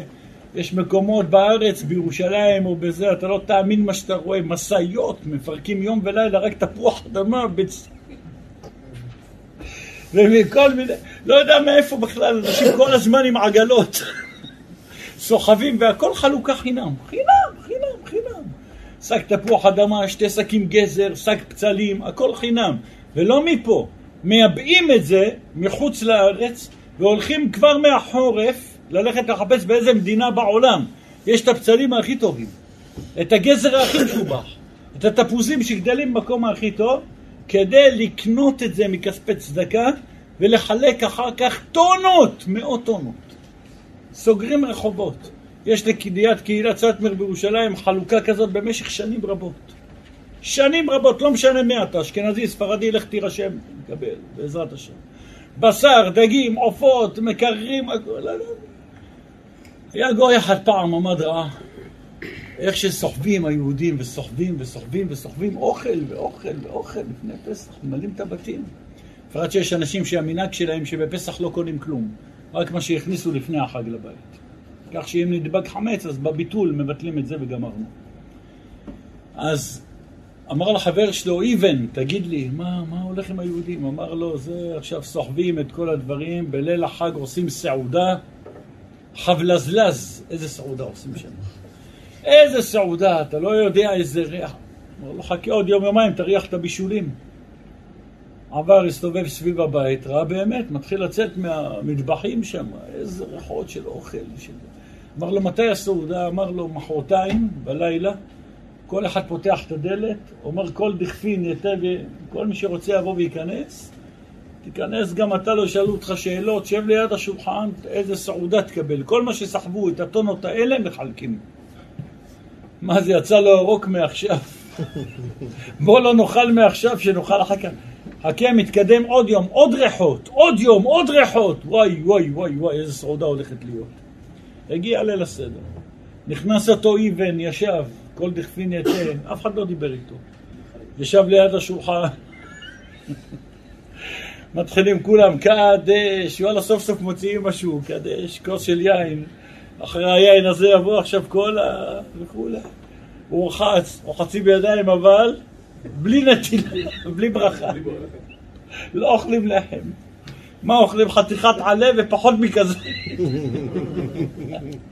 טוב, תכף יצא מהמטבח. קדש, רוחץ, כרפס, יחץ, עד שכבר מביאים מצות, שוברים אותם. מחביאים את הגדול. מרור אחר כך מתחיל. כורך, עד שכבר אכלו מרור עוד פעם. ואצל האשכנזים אוכלים את זה עם חרן עד שיצא לך דמעות מהאוזניים, לא רוצה. הפוסקים דנו, אישה מעוברת שלא תפיל, מותר לה לאכול את המרור של האשכנזים. זה לא כמו הספרדים, טוב, אוכל פה חתיכת חסה, גומר את הסיפור. וכזייס, ועוד כזייס. שנה אחת התארחתי שם, עשה נפשנו בחיים שלנו. עכשיו הבנתי למה עם ישראל יצאו ממצרים אחרי 210 שנה. אשכנזים משלימים את זה. יושב אותו גוי שם, יושב הגוי הזה שם, מחכה, מרור, קורא, חטף עצבים, נתן בעיטה בשולחן. בא לחבר שלו, נתן לו מכות, אומר, תגיד, איפה שלחת אותי? מה אוכלים שם? אמר לו, למה מה היה? מספר לו, אמר לו, היה טיפש. עוד רגע היה שולחן עורך. אחרי מרור כורך, מה יש? שולחן, היית נשאר עוד רגע, היית אוכל מהסעודה. אכלת את כל הקש, את כל המכות, את כל הזה, לא חיכית. יש הרבה אנשים מאיתנו סובלים, וסובלים, וסובלים. יא חביבי, אתה במרור, אתה בכורך. עוד קצת, עוד קצת, נוחה ביסלה. עוד קצת, עוד קצת, זה נגמר. סבלנות, זה ייגמר, לא נשארים בחושך. יוצאים מזה, עוד טיפה, עוד משבר, וזה בונה אותך. אין דרך לבנייה. זה חוק שיסד מלכו של עולם. אין דרך אחרת. הגיטין חייב לקדם לקידושים. איי, הלוואי ומראש הייתי את זה, מי היה צריך את האי, מי היה צריך את ההוא, לא שמו אותך בעל הבית על העולם, הוא בעל הבית. הוא שם אותך בדיוק איפה שהוא הבין שאתה צריך להיות. הוא שם בארץ ישראל את השבעה אומות שעשו את החטאים הכי גדולים. למרות שארץ ישראל תפורה לעם ישראל והיא בת זוג של ארץ ישראל, זה ארץ ישראל ועם ישראל. אף על פי כן לא שאלו אותך. הם נכנסו קודם ופלשו, וזה המציאות, ואתה תשתוק. כשיגיע הזמן הוא יוציא אותם, וזה מה יהיה. ואל תגיד מי היה צריך אותם פה, כי הוא שם אותם פה. זה מה יש. החושך חייב שיקדם לאור. וכאן באמת נשאלת השאלה. כשהגענו לכאן והחושך קדם לאור, ויש מי ששומר עליך בחושך הזה, ויש לך את ההזדמנות הראשונה שמראים לך מהשמיים שאתה יוצא מהחושך. וההזדמנות הזאת קודם כל היא התקווה. אסור שהתקווה תכבה. כי ברגע ואתה משלים עם המצב, זו הנפילה האמיתית. וזה אסור שיקרה. אסור שיהודי, יהודייה, ישלימו עם המצב של ויהי ערב, ולא יתקדמו בשאיפה ויהי בוקר. אסור שיהודי ויהודייה ישלימו עם הברוך אתה בצאתך ויישארו שם. השאיפה חייבת להיות ברוך אתה ברואיך. השאיפה וקמת ועלית. השאיפה תחל שנה בברכותיה. השאיפה חייבת להיות מבט לנקודת האור. זה יבוא. אני בטוח שזה יקרה. אבא לא ישאיר את הילדים שלו ככה. ריבונו של עולם ירחם עליי. אנחנו נצא מזה, זה יסתדר. ובאמת זה יהיה ככה. כי זה הנוסחה, וכך זה עובד. יש רק בעיה אחת, אם אתה או את מאבדים באמת את הטיפת לחוט שנשאר. ואז זה באמת בעיה. אסור לאדם לאבד את המורל ולאבד את התקווה. בשום אופן, ולא משנה מה עבר ומה עובר עליך. עוד יהיה טוב. אמן. ובאמת יהיה טוב. אבא שבשמיים סידר את החושך והוא גם סידר את האור. והאור חייב, חייב לבוא אחרי החושך. נקרא בפנים. ביאור הפסוק המובא להלן, כנסת ישראל אומרת לאומות העולם. אל תשמחי לי. אל תשמחי לחשוב עליי שלא אוסיף לקום, הנה נפלו ואלפיים שנות גלות והלך עליהם. והנה עשרים שנה אתה סובל והנה ארבעים פגישות יצאת ולא יצא כלום. והנה והנה והנה. כי נפלתי קמתי, שכבר פעמים רבות נפלתי בגלות ואחר זה קמתי. וכן אתה כי ישב בחושך, אפילו ישב בחוש, בגלות הנמשלה לחושך עם כל זה השם אור לי, אני בוטחת בשם שיאיר לי ויוציאני מחושך לאור הגאולה. זה פשט הפסוק שדוד המלך בתהילים, פרק ל'. ארוממך השם כדליתני, מזמור של חנוכת הבית. רבי יהודה פתח לפרש מה שאמרה כנסת ישראל לאויביה. אל תשמחי אויבתי לי על שנפלתי בגלות. כי נפלתי, קמתי. כי כך הוא דרכי מעולם, אין דרך אחרת. אין דרך אחרת, כי כך הוא דרכי מעולם. שאחר שנפלתי קמתי. וכן ודאי אקום גם מזו הגלות. ושאל, מה נויפתי לי? מי הם האויבים של כנסת ישראל? והשיב, דבבו דמלכו חייביה במלכות קדישה. למלכות הרשעה, שהם האויבים אל המלכות הקדושה. ויקרא כנסת ישראל אמר לפסוק זה כנסת ישראל שהיא המלכות הקדושה אמרה. אל תשמחי אויבתי לי שאתם רואים אותי נפולה בגלות, בלי מצב רוח, עם משברים, כי נפלתי קמתי מעולם, תמיד היה כך. אחר שנפלתי, קמתי. מה דלת לך אחי, מה שאין מידתך אצל הגויים זה לא ככה. דכיוון דתיפול, לא תקום לעלמין. כי כיוון שתיפול, לא תקום עוד לעולם ויאבד זכרך לעולם. זה אצל הגויים. אבל כנסת ישראל, אף על גב דנפלה תקום. אבל כנסת ישראל, אף על פי שנפלה, תקום. וכמה שאר זמנין, וכבר כמה שאר פעמים, דכתיב כי נפלתי קמתי. אחים יקרים, זה פסוק בספר תהילים. ספר תהילים נכתב ברוח הקודש.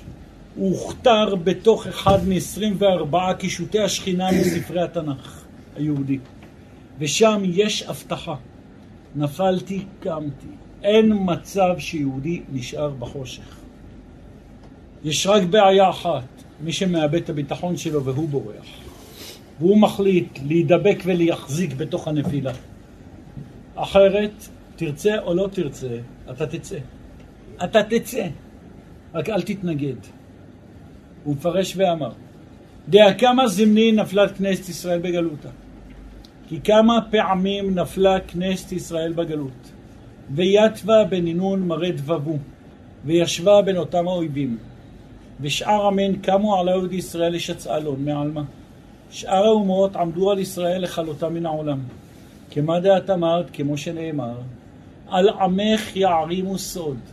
פירוש אויבי ישראל מערימין עצה בסוד, איך למחוק חס ושלום את עם ישראל. וכתיב כי נועצו לב יחדיו.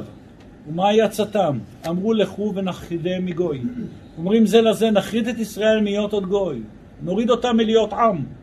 אבל מי שרד בסוף? אנחנו ולא הם. ואם כל דף על גב דשאר המין קמו עליו, עם כל זה. אף על פי ששאר האומות קמו על ישראל לכלותם. אבל קודשא בריחו לנחלון בידיו. הקדוש ברוך הוא לא עזב אותם בידם, כי גדול הרועה השומרם. ואם נפלו קמו, ואם נפלו בגלות, אחר כך קמו ונגאלו. דכתיב כי נפלתי קמתי. ברוך הוא הקים לתדיר, כי הקדוש ברוך הוא מקים את כנסת ישראל תמיד, אין מצב אפס, אין מצב לא יצא ממני כלום, אין מצב אמרו הרופאים, אין מצב הבנק, אין מצב העורך דין, אין מצב כלום, אתה לא שם, אתה יהודי במקום אחר, נפלתי קמתי, אתה תצא מזה. וזמינה כנסת ישראל, לומר בעוזימנה דקודשא ברוך הוא יקים לה מעפרה דגלותא תסתלק מיני. עתידה כנסת ישראל לומר בזמן שהקדוש ברוך הוא יקים אותה מעפר גלותה ותעלה ממנו. אל תשמחי אויבתי לי כי נפלתי קמתי. פירושו כי נפלתי בגלותה והשתעבדו בניי. הגם שנפלתי בגלות והשתעבדו בניי. אבל קמתי בעזים נא, עתה כבר קמתי, ולא אהיה משועבדת עוד בגלות לעולם. אחים יקרים, הדברים אמורים על גלות כלל ישראל ועל גלות כל יהודי ויהודי והסיפור חיים שלו. אתה תצא מזה, את תצאי מזה. החושך הוא חובת הבריאה. יש חיים אחר המוות ומוכרח המוות כדי שיהיה חיים. וכל אחד עם הסוג מיטה שעובר פה בעולם. אבל זה מוכרח. אי אפשר להדליק, לשדרג, לסדר, לעבוד על נקי במחשב לפני שמכבים אותו לפעמים פה ושם. אבל לא המטרה לכבות ולזרוק. המטרה היא בסך הכל לעשות לו איזה ריסט, להחזיר אותו יותר תקיף, יותר חזק, יותר עובד. אין מצב אחר. את זה אפשר ללמוד אפילו מהשינה של הלילה. אדם עובד יום שלם, הוא נמצא בשיא של האקשן, דה דה דה דה דה דה דה דה דה דה יש לו משטחים מפה, יש לו סחול פה, יש לו פה, יש לו פה, הוא במרתון, הוא בהכנות, הוא במה לא. מגיע הזמן, תרצה או לא תרצה, ארצה. מה בורא עולם? ארצה, אתה חייב חביבי לסגור את השכל, אתה חייב חביבי ללכת לישון. הטיפש! שינה, אחד חלקי שישים ממוות! הורגים אותי! נשאר במוות. מה אתה עושה לעצמך? במקום לקום בבוקר ממשיך לעשות אסחבה לשינה. שמו אותך במיטה לישון עכשיו בשביל לגמור אותך? שמו אותך בשביל שתמשיך את השינה או שתמשיך למחרת עם ככה, עם כוחות ו... הלכת לישון בשביל להיות דלוק יותר, ולמה צריך שינה? כך ייסד בורא עולם, אפילו כשברא את הצלע הראשון בעולם. ויפל השם אלוקים על האדם תרדמה, ויבן את הצלע. כל שידוך חייב להיות ויפול, ויפל תרדמה. לפני שתגיע לשידוך האמיתי שלך, אתה חייב ויפל תרדמה. עד שתמצא את הבת זוג הראשונה, ולפעמים עד שתמצא, כמו שאמרנו, חווה ראשונה ומה שאמרנו בחו"ל. אין מצב אחר. הזיווג הראשון היה על ידי נפילה. אתה רוצה להתחכם לעשות אחרת? אתה רוצה להישאר בשינה בתרדמה? התרדמה לא נועדה לכבות אותך מהעולם, ולא אותך, אלא היא נועדה כדי לבנות, כדי לעשות טוב. חייב שתהיה שינה לכל אדם בלילה כדי שיהיה אור וכוח למחרת. חייב שיהיה תרדמת השכל ומשבר מסוים, כדי שיהיה אחר כך יצור חדש, וכוח חדש, ואור חדש. וזה לא נגמר, וכל החיים זה ככה. מי שמבין את ההכרח של החושך הזה, של הגיטין הזה, הוא נהנה אחר כך מהקידושין. ומי שהולך עם הראש ומתייאש ומאבד את המורל ואת הרוח, מסכן, מה עשית? אחרי שכבר היית מוכרח ללכת לשכב, אתה עוד מורח עוד יומיים מתחת לשמיכה? לא חבל עליך. אתה לא מבין שאתה מתבזבז? מה אתה עושה? קצת, טיפת שכל. נעבור את זה. קרא קריאת שמע, תשען טוב, תקום טוב, יאללה, קדימה. תמשיך ביתר שאת, ביתר עוז. ושלא תחשוב שזה נגמר, כי גם מחר בלילה יש שינה. וגם מחרתיים יש שינה. וכל החיים זה ככה. לפני כל עלייה, לפני כל שדרוג, חייב שיבוא... תוריד את הראש. עוד הפעם ועוד הפעם ועוד הפעם, ככה צומחים. אז הכלל הוא, כלל ראשון, מוכרח שיהיה את החושך לפני האור, ויהי ערב ויהי בוקר, שנה וקלילותיה לפני שתהיה שנה וברכותיה. שיהיה ברוך אתה בצאתך, לפני שיהיה ברוך אתה בו. אין מצב אחר, זה מה יש. סוד שהקדוש ברוך הוא יישא. שתיים, כמה שהמשבר גדול יותר, והחושך גדול יותר, והשינה הייתה חזקה יותר, סימן שאחר כך שאתה קם, אתה קם עם שרירים מתוחים יותר, לקראת הזינוק הגדול יותר. שלוש, המשברים האלה מוכרחים לכל אדם בפרטות ולכנסת ישראל ולעם ישראל בכללות. אין מי שיכול להתפתח מבלי הכיבוי והעמעום הזה. אין מצב אחר. אין, זה, זה, זה המצב. ואחריו ארבע, אסור לך להירדם בשמירה, אסור לך להתייאש, אסור לך לאבד באמת את הסוד הגדול הזה, ולהישאר בתרדמת. אסור, אוי ואבוי. אתה חייב מיד, ברגע, וזו ההדגשה שלי כרגע, ברגע הראשון שפתחת את העיניים, ברגע הראשון שהתאוששת, יאללה, צא לדרך. ואל תמשיך למרוח ולהתייאש. כשבא... ולא מחר, מחר נסדר את זה. מחרתיים נתקן את זה. היה את המשבר, היה את הירידה, אתה מתחזק באלוקיך, ובאותו מעמד שאתה בגיטין ויגרש את האדם, מיד תעשה קידושין. אל תחכה למחר ואל תחכה למחרתיים. באותו מעמד. עברת, התחבאת, הופ, תדלק. תמשיך הלאה. מי אומר את זה? תכף נראה את זה רבותיי מפורש בזוהר. אבל היות והגענו אל הקידושין, עזר השם יתברך, התמסרת קידושין, נעשה עליה פה סיום. אז אנחנו נחתום עם מאמרי הזוהר, בו ביום. בו ביום תקבל את הישוע, בעזרת השם יתברך. מיד אחרי הגיטין משתלב הקידושין. בכבוד. בעזרת השם נעשה מסלת קידושין. מסלת קידושין פותחת אה, במה אישה מתקדשת, וכסף שלה הוא ביאה, בשלוש דרכים. אחר כך הגמרא בפרק השני דנה בנושא אם אדם אה, אמר לחברו צא וקדש לאישה פלונית והלך וקידשה לעצמו. אז הגמרא דנה שמה? היא אומרת שהיא מקודשת לשני. וכן האומר לאישה הרי מקודשת לי לאחר שלושים יום. בא אחר וקידשה בתוך השלושים יום, אז אומרים שהיא מקודשת להוא השני. וכן בפרק האחרון דנה הגמרא בדיני איחוד. עם כמה אנשים אה, מותר להתייחד עם גבר, מותר להתייחד עם שתי נשים.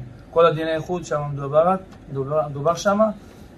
ובשלוש דפים האחרונים של הגמרא, דף פ"א פ"ב, היא מספרת על תנאים גדולים, אברהם, אברהם, רב עמרם חסידה, וכל התנאים הגדולים האלה, שיצר הרע רצה להפיל אותם עם האריות, שהגמרא במסכת חגיגה דף י"א אומרת שמה, שגזל והאריות נפשו של אדם מחמדת אותם ומתאווה להם.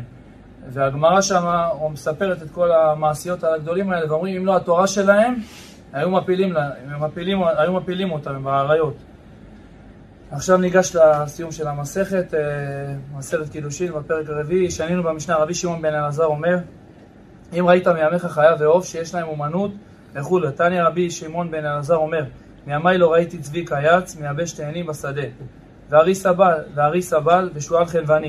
הם מתפרנסים שלא בצער, והרי הם לא נבראו אלא לשמשני. ואני נבראתי לשמש את קוני. מה אלו נבראו שלא, שלא נבראו אלא לשמשני, מתפרנסים שלא בצער. לא צריכים ללכת לעבודה כמונו, להתפרנס ב... וזה אל תפך תאכל לכם. ואני שנבראתי לשמש את קוני, אינו דין של פרנס שלא בצער, אלא שראותי את מעשיי וקיפחתי את פרנסתי, שנאמר עוונותיכם יטו אלה. אז בגלל העוונות שלנו, הקדוש ברוך הוא נותן לנו שבזיעת אפיך תאכל לחם. שנינו במשנה, רבי נהוראי אומר, רבי נהוראי זה אחד הכינויים של רבי מאיר בעל הנס, שהוא היה מאיר עיני חכמים בהלכה. מניח אני כל אומנויות שבתורה, ואיני עוסק אלא בתורה. תנא רבי נהוראי אומר, מניח אני את כל האומנויות שבעולם, ואיני מלמד את בני אל התורה, שאני כל האומנות שבעולם, אין עומדת לו אלא בימי ילדותו, אבל בימי זקנותו הרי הוא מוטל ברעב, אבל תורה אינה כן, אלא עומדת לו לאדם בעת ילדותו ונותנת לו אחרית ותקווה בעת זקנותו.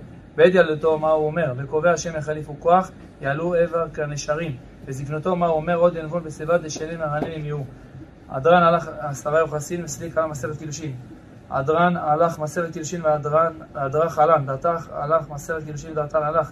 לא נשם עיני מסרת קילושין, נשם עיני לא בעלמא דין ולא בעלמא דעתה. הדרן הלך מסרת קידושין והדרך חלן. דעתן הלך מסרת קידושין ודעתה חלן. דעת נשם מנך מסרת קידושין ולא נשם מנן לא בעלמא דין ולא בעלמא דעתה. הדרן הלך מסרת קידושין והדרך חלן. דעתן הלך מסרת קידושין ודעתה חלן. דעת נשם מנך מסרת קידושין ולא נשם מנן לא בעלמא דין ולא בעלמא דעתה. יהי רצון לפניך אדוני אלוהים אבותינו שתהיה תורתך ומנותנו בעולם הזה ותהיה עמנו לעולם הבא. חנינא בר פפא רמי בר פפא נחמן בר פפא אחראי בר פפא אבא מרי בר פפא רפרם בר פפא רכיש בר פפא סוחה בר פפא אדה בר פפא דהו בר פפא ערב נא אדוני אלוהים דברי תורתך בפני נפילות עמך בית ישראל. הנה כולנו אנחנו צאצאי עמך בית ישראל. כולנו יודעי שמך ונותן תורתך. ואויבי תחכמני מזרתך כי לעולם יהי לי. יהי ליבי תמים וחוקיך למען לא אבוש. לעולם לא אשכח פיקודיך כי בם חייתני. ברוך אתה אדוני למדני חוקיך, אמן אמן אמן. סלע ועד. מודים אנחנו לפניך אדוני אלוהים אבותינו ששמת חלקנו מיושבי בית המדרש, ולא שמת חלקנו מיושבי קרנות, שאנו משקיעים ואין משקיעים, אנו משקיעים את דברי תורה, אין משקיעים לדברים בטלים, אנו עמלים ואין עמלים. אנו עמלים מקבלים שכר והם עמלים אינם מקבלים שכר. אנו רצים והם רצים.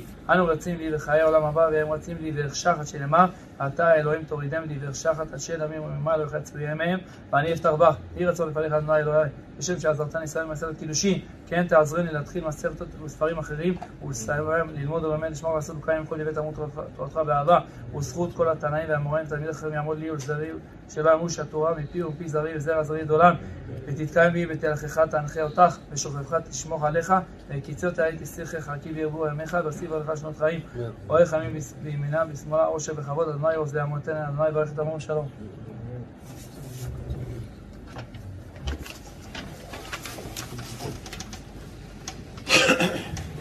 יתגדל ויתקדש שמי רבה. אמן. ועלמא גבורתי והתחדתה ולהחיה מטיה ולהסתה לחיה עלמא ולמבנה קרתה בירושלים ולשקלה לכלה בגבה ולמעקר פולחנה נוקרה מהרעה ולהטבה פולחנה בשמיה להקרא וימליך קודשה ברחוב מלכותי ויקרא ויצמח פורקנה ויקרב משיחי אמן.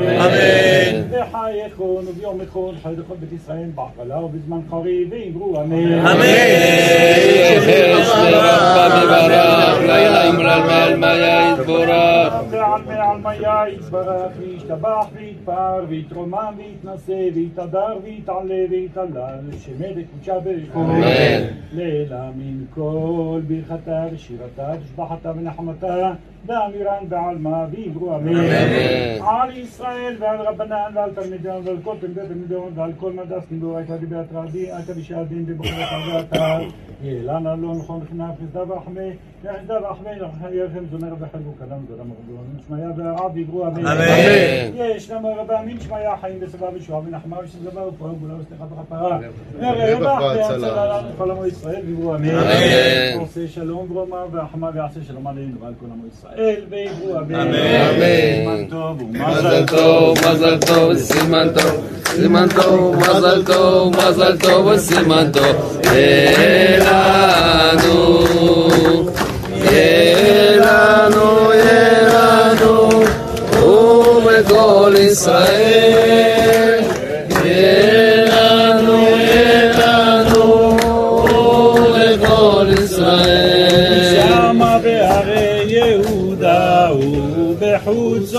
ירושלים כל ששון וכל כל חתן וכל כלה, כל מצלות, חתנים מחופתם ונערים משתי נגינתם. יבוא הזוהר הקדוש ויאמר לנו אחרי שלמדת שיש הכרח לעניין הגיטין ואחרי שלמדת שמתוך הגיטין יוצא הקידושין ומתוך הנפילה תבוא עלייה יבוא הזוהר עכשיו ויאמר לנו את השפיץ הכי גדול בשיעור. בו ביום. לא מחר. לא מחרתיים, לא עוד שבוע, מחר נקום בבוקר עם ראש החיות. מחרתיים נסדר את זה. לא, לא, לא, לא. באותו יום שנפלת, באותו היום של הגט, באותו היום אתה עושה את הקידושים. נקרא בפנים. הנה אמרו חז"ל, כי בתולה נישאת ביום הרביעי. והשאלה היא, אדרבה, יום הרביעי אז הייתה מיעוטה של הבתולה העליונה. יום רביעי לקו המאורות, הירח לקטה, השכינה שהיא הבתולה העליונה לקטה. ולכאורה אין זמן מסוגל שביום הנפילה, שהירח, שכל אישה משולה לה, תהיה עלייה שאתה אומר יום הרביעי בתולה נישאת. תמצא לך יום אחר, לא ביום שהיה את המשבר. ואומר, ואל דע ועל מה שאמרנו שגם יש מעלה אל המלכות ביום הרביעי.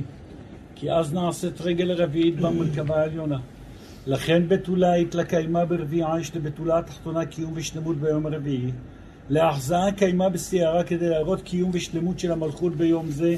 יש דווקא ביום של הנפילה את הכוח. והוא יומא דבתולה נישאת ברביעי, באותו יום שבתולה נישאת ברביעי. איתלה קיומה לטאטה, יש לה קיום ושלמות למטה. כך יש אז אל המלכות עלייה ושלמות למעלה. לכן קרוזה קיימה לעילה וקרא. אז קרוז עומד וקורא ומכריז למעלה. אל תשמחי, אויבתי לי, שיש את השטן המרשעת. כי נפלתי, קמתי ביום נפילתי, לפני השקיעה. ביום נפילתי, ביום הגט, קמתי ועשיתי קידושין. הוא מסיק ואל דא ביומא דנפילה מה משמע. על כן מכאן משמע כי ביום הנפילה, יום ליקוי הנאורות, שהוא יום הרביעי, יש יום של בתולה נישאת, יש לה קימה ושלמות. לכתיב כי נפלתי קמתי בו ביום. בדומה לזה מצינו במדרש, שבו ביום שחרב בית המקדש נולד מנחם דהיינו לא מחר! בו ביום לפני השקיעה, אתה לא יוצא מהיום לפני שסגרת את התיק הזה וחוזר אל הזיווג. אל תישאר בנפילה. מה הסוד שיש כאן? יש עניין של בו ביום. אנחנו לא ניתן לך יצר הרע, שיום אחד מהחיים שלנו יהיה בשליטה שלך. נפלתי בצהריים והייתי איפה שהייתי. אני לשיעור בא, איך שאני, וכמות שאני, ופצוע, וזב, ורחמנא ליצלן, עם כל מה שעבר. קשה לומר, התקשר אליי מישהו הרב, אני מתחת לשמיכה עם החטא עצמו כרגע. לבוא לשיעור או לא לבוא? ביום שנפלתי קמתי. תבוא עכשיו איך שאתה. כמות שאתה ואיך שאתה תבוא. בוא ביום נעשה לך שיפוץ. ביום שנפלתי קמתי. אל תיתן לו לחגוג, שלקח לך את היום. ביום נפילתי קמתי, הרי היה מהשכינה. יום הרביעי, סיירה קדישה, המלכות, הירח קיבלה מיעוט ועונש. ודווקא בו ביום בתולה נישאת. מתחדשת ומתעלה. ואת זה לומדים בסוד גדול מאוד, בסוד תענית חלום. בו ביום. שאפילו אדם חלם חלום, לא שייך אלינו, כן? זה צריך להיות קרוב לנבואה וכולי. לא, ובפרט, אדם שקרוב לנבואה, אני לא מכיר את עצמי כזה ולכן אני גם לא יכול לראות על אחרים שיושבים פה כאלה. בכל אופן, היום אני לא מתענים על תענית חלום. היום תקום, תלך לשיעור תורה, שמע ברכת כהנים, תן פרוטה בקופת צדקה וסלמת, הכל בסדר. רק מי שבגדר של נבואה ורוח הקודש וחלם חלום כזה, ו... אחד כזה צריך לעשות משהו, וגם הוא, מה שעושה, אני מכיר אדם גדול אחד, ממש גדול, שהראש שלו עסוק יום ולילה כמעט בתורה, שבכל החיים שלו חלם שתי חלומות כאלה. אמיתיים. שתי חלומות, וכולם על מלחמה עם מישהו מלמעלה. וכולי, ו...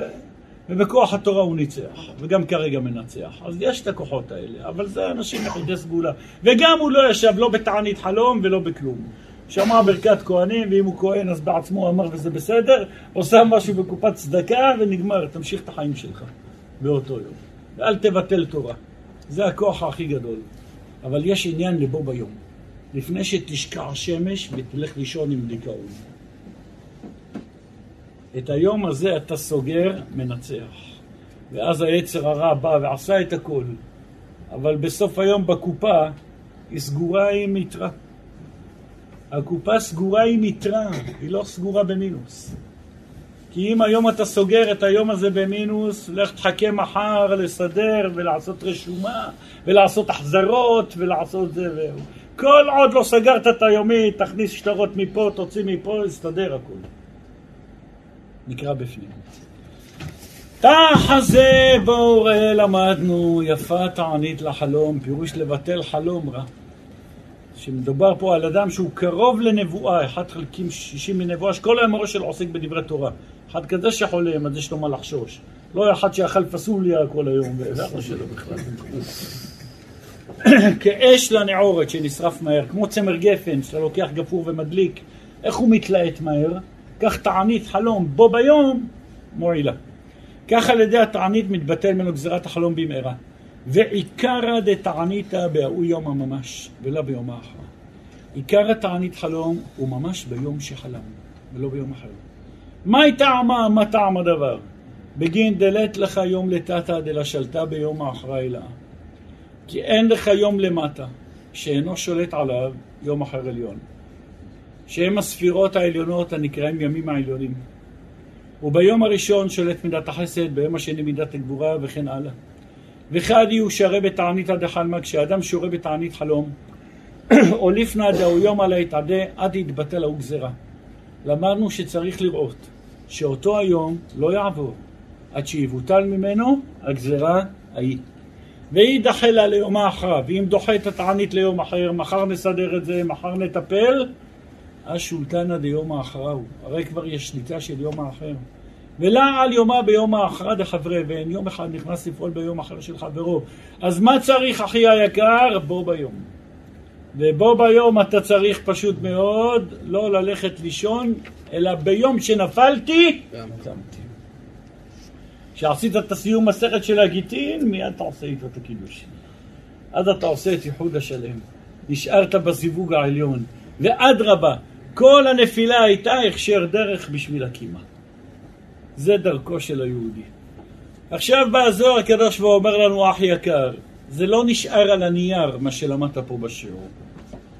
מה שלמדת פה צריך ליישם אותו מעשית. לא משנה מה עובר עליך עוד שעה, או עובר עליך מחר. תזכור את הכלל. אני לא יוצא מיום עם קופה שבורה, עם קופה ריקה, עם נזק וחיסרון. ביום הזה אני סוגר את התיק הזה. כשאותו פקח נמצא עדיין בשטח ועדיין הוא עם היומן ועדיין עם העט שעומד לכתוב עוד לפני שעזב את המקום וכולי, יותר קל לגמור את הסיפור וגמר. מאשר הוא כבר הלך ונסע, עכשיו לך תחפש עורך דין שיוציא אותך מפה ויעשה ויגמור. אבל תוך כדי שהוא עדיין כן מפטרל, אתה יכול לדחוף לו בקשיש ולעשות לו שיש ולעשות מפה ומשם. עוד לפני שכתב וכן כתב וסבתא שלך תבכה וכאילו וזה, אתה יכול לצאת מזה. אבל אחרי שכבר עזב את המקום, זה לא קל. לכן, מהותו של יהודי ויהודייה, א', לא להישבר ממשבר. זה מוכרח המציאות, אין דרך אחרת. וכל אחד תפר לו הקדוש ברוך הוא את המשברים האלה לפי מה ש... למעשה זה כוח הצמיחה. זה לא משבר, זה כוח המצמיח. לא תמיד אתה מבין, והרבה פעמים אתה לא תבין וגם לא תבין אף פעם. אבל יש פה כוח המצמיח. ולמה זה מתעכב הזיווג שלו ככה, וזה השידוך שלו ככה, וזה הילודה שלו ככה. כשצחקה שרה, כשהמלאך בא ואומר לה, כעת חיה, ולשרה בן, היא צחקה. בא הקדוש ברוך הוא ומקפיד, למה צחקה שרה? ברצינות, תגיד לי, אתה נורמלי? עקרו לה לא חצוצרה אחת, אין לה רחם בכלל. בא מישהו שנדמה לה כגוי בכלל, אומר לה עוד שנה תלדי. היא לא ראתה שהוא מלאך בכלל. זה לא איזה בבא סאלי שבא לה. בא עובר אורח, נראה כישמעאלי. אומר לה כעת חיה עוד שנה תלדי. מברוק עלק עוד שנה תלדי. צחקה שרה. מה אתה מדבר? אתה יודע את המציאות, אתה יודע מה ביולוגית מה אני עוברת בגוף שלי, אתה יודע מה, אין לי רחם אפילו. היא צחקה. בא הקדוש ברוך הוא בקפדה, למה צחקה שרה? מה, קרה? למה שלא תצחק? היפלא מהשם דבר? כעת חיה ולשרה בן, ועונש ותזכורת לדורות עולם. הבן הזה יקראו לו לדורות עולם יצחק על שם הצחוק שהיא צחקה בטעות. היחיד שנקרא מפי בורא עולם, ושמו גם אחרי תחיית המתים יישאר יצחק. אנשים השתנו השמות שלהם. יצחק נשאר בשמו. גם אחרי תחיית המתים, לא תתבלבל ברב אחר.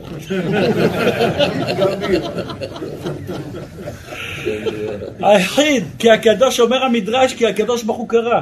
הוא קרא בפיו, לאברהם הוא לא... לא יקרא שמך אברהם, אברהם, אבל השם הראשון מהתולדה, מבטן ומלידה, שנקרא, היה יצחק.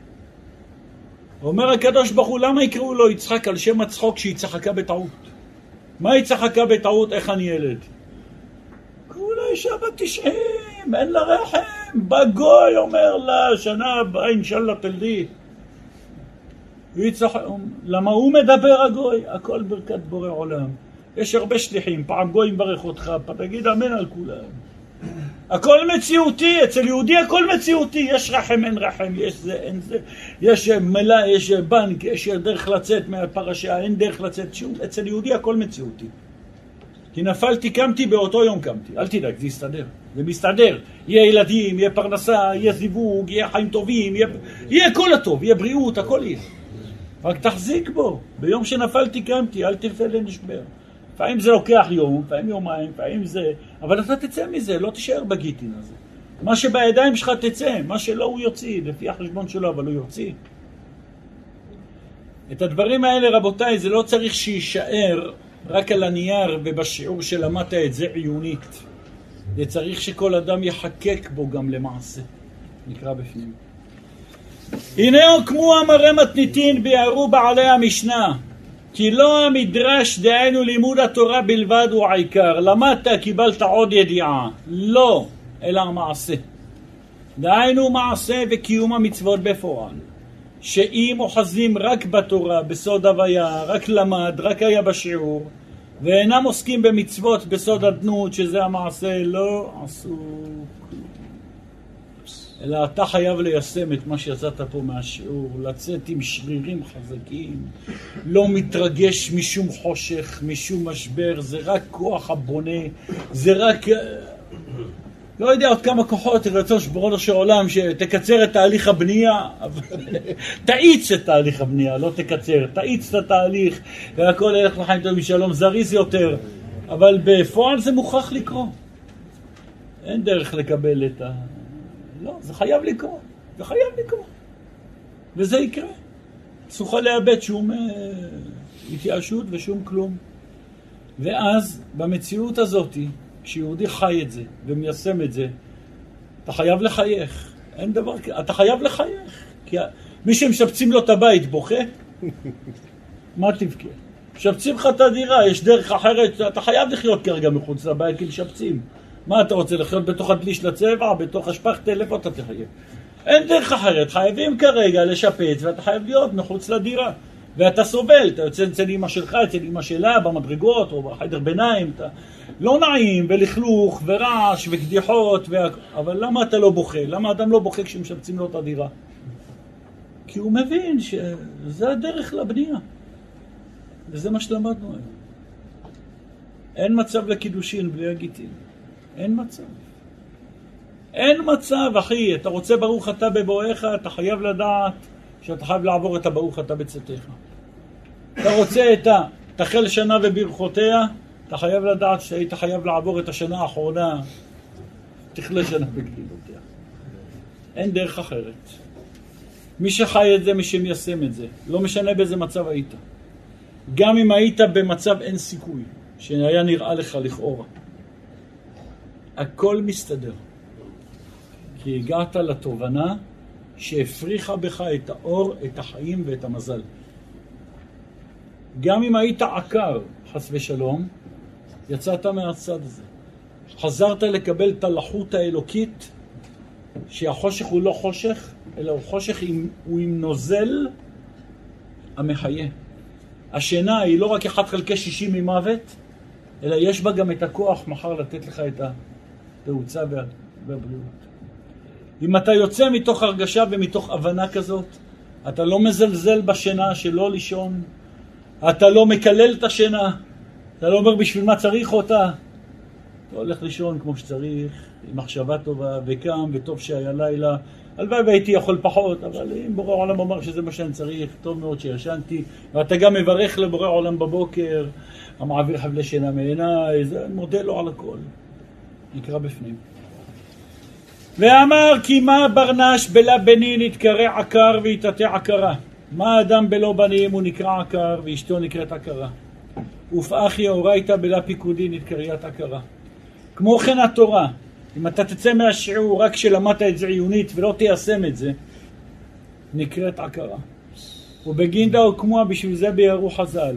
לא המדרש הוא לימוד התורה הוא העיקר כשהוא לבדו, אלא המעשה. שהוא יחד עם המעשה של קיום המצוות. ועל ידי שיעשה מצוות ומעשים טובים, ויחיה באמונה הזאת, ישתנה שמו ולא ייקרא עוד עקר, וזהו שינוי השם המסוגל לשנות את מזלו שלנו. מה שעד היום חיית בדיכאון, כי חשבת שהשינה זה מוות. וחשבת שכל אחד שהלכת לשידוך, או הלכת לשידוך ואמר לך לא, או התחלתם משהו ויצאתם וזה התפוצץ וקרה, חשבת שזה מוות. חשב שזה רע. היום אנחנו מבינים אחרת. אין דרך לבנייה, רק דרך. ולמה זה היה צריך לעבור על ידי פלוני הזה, ועם פלוני ההוא, והמילים שהוא אמר היו בסגנון הזה, וזה בא מחמתו, וזה בא מאימא שלו, וזה בא מאשתו, הכל חשבונות. כמו שאתה לא מבין למה דווקא הכנעני, החיטי, האמורי, הפריזי, הגרגשי, היבוסי היו חייבים להיות בארץ ישראל, ולא אומה אחרת. אתה לא מבין. יש הרבה דברים שאתה לא מבין, גם את זה אתה לא מבין. אבל בתכלס זה היה מוכרח. למרות שהארץ שלך. אבל לא איבדנו את סברנו, ולמרות שאברהם אבינו הקדוש ברוך הוא מבטיח לו את הארץ, והוא רואה את הגויים ממשיכים לגור שם, הוא עדיין נשאר איתן באמונתו, זה רק זמני, זה שינה זמנית, זה עוד יבוא, זה יגיע, וכך קרה בסוף. וזה סוד החיים, רבותיי, של כל אדם יהודי ויהודי. אמן. אל תתפעל בחיים שלך משום שריר, משום משבר שעובר עליך. תתייחס אליו כדרכה של תורה. אם זה כפשוטו גיטין, אז תלך ותעשה כמו שעושים את הלכות גיטין. ואם זה משברון אחר, מישהו העליב אותך, כמו שמתנהגים כשמישהו מעליב, על פי ההלכות, על פי הכללים של התורה.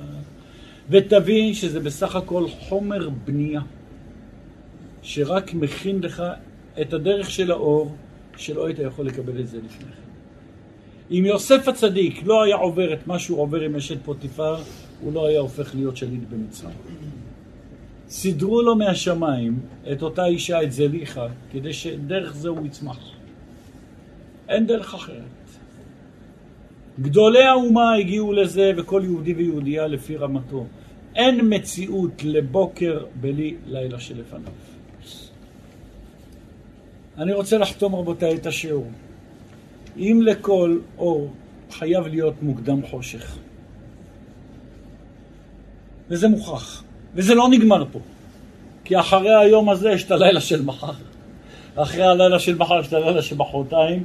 ושאף אחד לא יחיה באשליה, גמרנו, זה נגמר פה, ושלום על ישראל וסלמת. זה בחינות מבחינות שונות. זה חייב לקרות.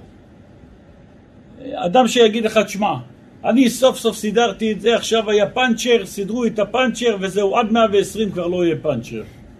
כולם מסתכלים עליו, חתיכת שוטה, אתה נורמלי. למה הכביש של החיים נגמר ברכב שלך פה בקילומטר הזה? עוד לפניך, שתהיה בריא, שתקנה נעליים חדשות ויהיה פאנצ'ר. הכל בסדר, זה דרך העולם, זה החיים, מה אתה... מהחיים פאנצ'ר, חביבי, זה התיקונים שעוברים כאן. השתבח שמו לעד, נשבר לך כוס, גמרנו, אני מפה עד 120 לא תראה, נשבר כוס אחד פה, ואם נשבר אני מתאבד. משוגע, צריך להכניס לך בית חולה רוח כבר מעכשיו. מה נעשה שהגמרא אומרת אדם שלא נשבר לו כוס 40 יום, צריך לפשפש במעשיו, לא מתייחסים אליך מהשמיים. לא מסדרים לך איזה כפרת עוונות בשביל ככה להשתדרג, אתה לא מבין את זה? אתה חייב לעבור איזשהו משברון. מה שאני רוצה לבוא ולומר פה, זה רמות מרמות שונות. זה יכול להיות במציאות מצב של עגום, של גיטין ממש, שגבר מקיים ספר כריתות ונותן גט ממש לאשתו. זה יכול להיות מציאות כזאת. זה יכול להיות מציאות של חוסר שלום בית. זה יכול להיות מציאות של ויכוח קטן. זה יכול להיות שאחת שהולכת להיפגש עם הזיווג, וזה יכול להיות כל אחד ברמות והעניינים, לפי מה שבורא העולם. זה יכול להיות לכבוש את ארץ ישראל, זה שבעה עממים, וזה יכול להיות הקליפה הקשה ביותר, עמלק. לא תחיה כל נשמה. זה יכול להיות, זה יכול להיות. יש מציאות שאתה נלחם וגם לוקח בשבי, ואפילו לוקח שתפתור. יש מציאות שלא תחיה כל נשמה, אתה חייב להוריד את הכל שם, לשרוף את הכל שם, לא להשאיר כלום. הכל לפי העניין. לנו יש תפילה, שאם כבר באים הגלים האלה, שיהיו גלים שקטים. מה זה גלים שקטים? ומה זה משברים שקטים? אשרי מי שעמלו בתורה. סיפור ידוע, בשיעור שלנו מספר אחת סיפרנו את הסיפור הזה. מעשה ברבנו סעדיה הגאון, זכר צדיק לברכה. זה שאחר כך הפך להיות הבעל שם טוב הקדוש. בגלגול הבא אומרים שהוא היה בעל שם טוב. זכותו הגן עלינו ועל כל ישראל אמן. אמן. רבנו סעדיה הגאון, מתקופת הגאונים שאחרי התנאים והאמוראים. פעם הגיע למקום מסוים בתור רב גדול, אבל לא הכירו אותו. הוא התארח אצל אדם מסוים, ואותו אדם נתן לו לאכול אוכל עממי, אירח אותו. למחרת, הוא גם התארח אצל אותו אדם, ואותו בן אדם אמר לו מחילה, מחילה, מחילה, מחילה, והביא לו אוכל יותר משודרג. ביום השלישי הוא גם התארח אצל אותו אדם. הוא לא רק אמר לו מחילה, מחילה, אלא הוא גם בכה. והביא לו אוכל יותר משודרג. ממש כפרה עליק, אה, חטאתי אביתי, פשעתי. ביום הרביעי כמעט התעלף, שהביא לו את האוכל הכי מלכותי. שאלו אותו תלמידיו של רבנו סעדיה, את אותו בעל הבית, המארח, ארבעה ימים אתה מארח את הרב בביתך. ביום הראשון מחילה, ביום השני דמעות, ביום השלישי, ביום הרביעי אתה מתעלף. מה עובר עליך? ואתה משדרג את האוכל מיום ליום. אמר להם ביום הראשון שהוא בא, חשבתי כמו כולנו, נתת לו לאכול אוכל עממי. ביום השני שמעתי הוא רב, נתת לו לאכול משהו יותר משודרג, אמרתי כפרה על זה שאתמול אמרתי לך, תאכל כמו כולם. ביום השלישי שמעתי הוא הרב הגאון, עשיתי תשובה על אתמול ועל שלשום. ביום הרביעי שמעתי שהוא רבן של כל בני הגולה. עשיתי תשובה על, מש... על האוכל שהבאתי לו אתמול ושלשום וכו'. וכך צריך שיהיה המשבר של כל יהודי. לא צריך צרות וייסורים, אלא כל יום תבוא לשיעור תורה, תשדרג את הכרטיס החכם שיש לך במוח, תקבל ידיעות נוספות מה לא ידעת בחיים עד היום, תכיר את המלך מלכי המלכים ותתבייש בעצמך איך התייחסתי אליך אתמול שלשום ואיזה שטויות עשיתי ריבונו של עולם וזה יכאב לך. מספיק הכאב הזה ולא צריך כאבים אחרים. השדרוג הזה הוא על גל נמוך, הוא משבר. כואב לך, חייב שלכולם יהיה כואב. השאלה ממה כואב. יש אחד כואב לו מהשטויות, יש אחד שכואב לו מהמשברים הרוחניים.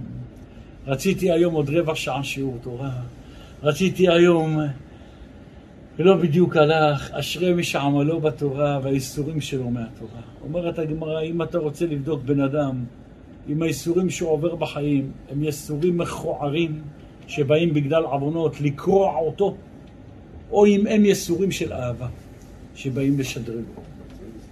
כי יש שני סוגי ייסורים. יש ייסורים, עשית פויה, מגיע לך עונש, בום.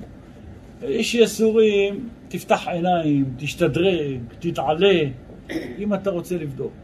איזה סוג ייסורים?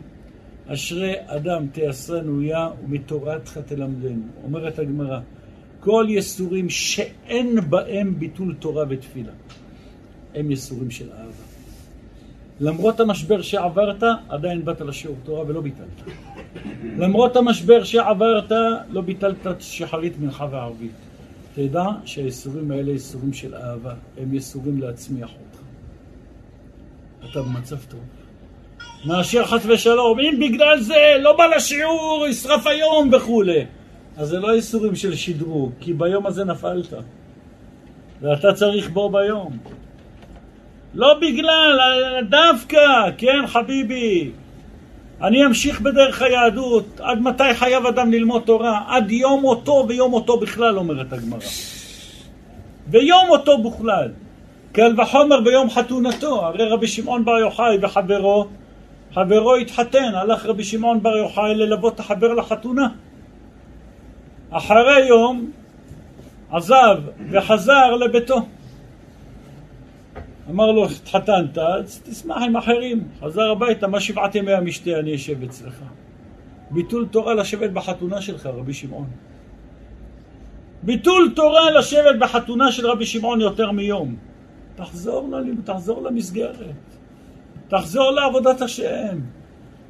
תחזור להתמודדויות שיש לך בתוך הקדושה, ולא תצטרך התמודדויות במקום אחר. מי שמגיע לשיעור תורה והזמן עובר והוא יושב ועוד דקה ועוד שעה, לא תצטרך להיתקע בפקקים, לא תצטרך לעמוד לילות ליד חדרי ניתוח או בדיקות, את התיקונים שלך אתה מוציא פה. לא תצטרך שאיבת שומנים עם הרדמות פה ושם, השומנים הרעים נשרפים פה במעבדה. פה, פה מטפלים בכולם. לא סתם נקראת מעבדה. פה, פה בית היוצר, פה מסדרים את התיקונים לבני אדם. לכן היא תלך ללדת, היא תלד כמו תרנגולת שם, עוד לא הלכה תוך שעה רב וילדתי. ברוך השם, כך קרה השבוע. מה קרה? בעלה כל היום רץ משיעור תורה לשיעור תורה, לקחת את הרב הזה, להיות פה, להיות שם. מי יסדר? מה צריך יותר איסורים? מספיק, תעשי לכי שם, תעשי קוקו, בריקו, תחזרי הביתה. אבל אחת שלא בקטעים האלה, צריך, צריך חושך יותר סמיך בשביל להכיר את האור. אבל יש אחד מסדר לעצמו את החושך. והחושך שלו, עמלו דרך התורה. החושך שלפני האור שלך בחיים נמצא בתוך אקשן של תורה, התמודדויות של מצווה. מטריד אותך צדקה, מצוות, עניינים כאלה, הראש שלך טרוד בזה, לא תצטרך להיות טרוד במקום אחר. סוף דבר הכל נשמע. אומרים חז"ל, אומר משה רבנו לעם ישראל, היום הזה נתן לך השם לב לדעת ועיניים לראות. אומר רש"י, אין אדם עומד על דעת רבו אלא אחר ארבעים שנה. אתה מבין את השיעור ככה, תבין שאחרי השיעור הזה עומדים דברים שבמינימום צריך 40 שנה שאתה תבין את זה. את השיעור הזה שאני מסרתי כאן היום, יש כאן רק שני אנשים שמבינים אותו, אם יש. וגם הם מבינים רק ראשי תיבות. יש הרבה דברים שעומדים אחרי הקלעים. יש כאן תיקונים אחרים, יש עניינים אחרים, נעשה פה כל מיני, אתה לא תמיד כשהולך לרופא נתנו ולא נצטרך לקחת אקמול או דברים כאלה, אתה מבין ממה בנוי האקמול. ומה הוא עושה ולאיזה איבר הוא נכנס ולמה דווקא נתן את האנטיביוטיקה מהסוג הזה ומהמשפחה הזאת ובצבע הזה ולא באו, אבל הרופא יודע מה הוא עושה. רש"י אומר, אין אדם עומד על דעת רבו ארבעים שנה. אתה רק צריך לעשות דבר אחד, בוא למעבדה, עושים את העבודה כבר. נעזור הקדוש ברוך הוא. שכל המשברים והקשיים שלנו, בעזרת השם, שהיו בסוד גיטין, נכנסו כבר למצב קידושין. והכל כבר יבוא עלינו, אם כבר יש איסורים מהיום והלאה, כבר בגלקסיה אחרת, בעולם אחר, זה כבר לא עשייה, זה כבר לא יצירה, זה כבר לא בריאה, זה דברים דקים של אצילות. בסוד רבנו סעדיה גאון, מה עם השחרית שלי היום, אולי הייתה יכולה להיות יותר טוב, ואיך אתמול התפללתי בכלל, ושיהיה לך טרדות של מצווה. ולמה לא הוספתי, ואל תישבר ממה שראית שלא הלך אתמול ושלשום, זה החומר בנייה. יהי רצון שבקרוב נזכה לראות בבניין בית המקדש, בסיווגו של קודשא בוכו כנסת ישראל, בחתונה הגדולה של בורא עולם. אמן, כן, יהי רצון. אמן. אחרי שנה וקלילותיה, תחל שנה וברכותיה. אמן. זכו ואמצו.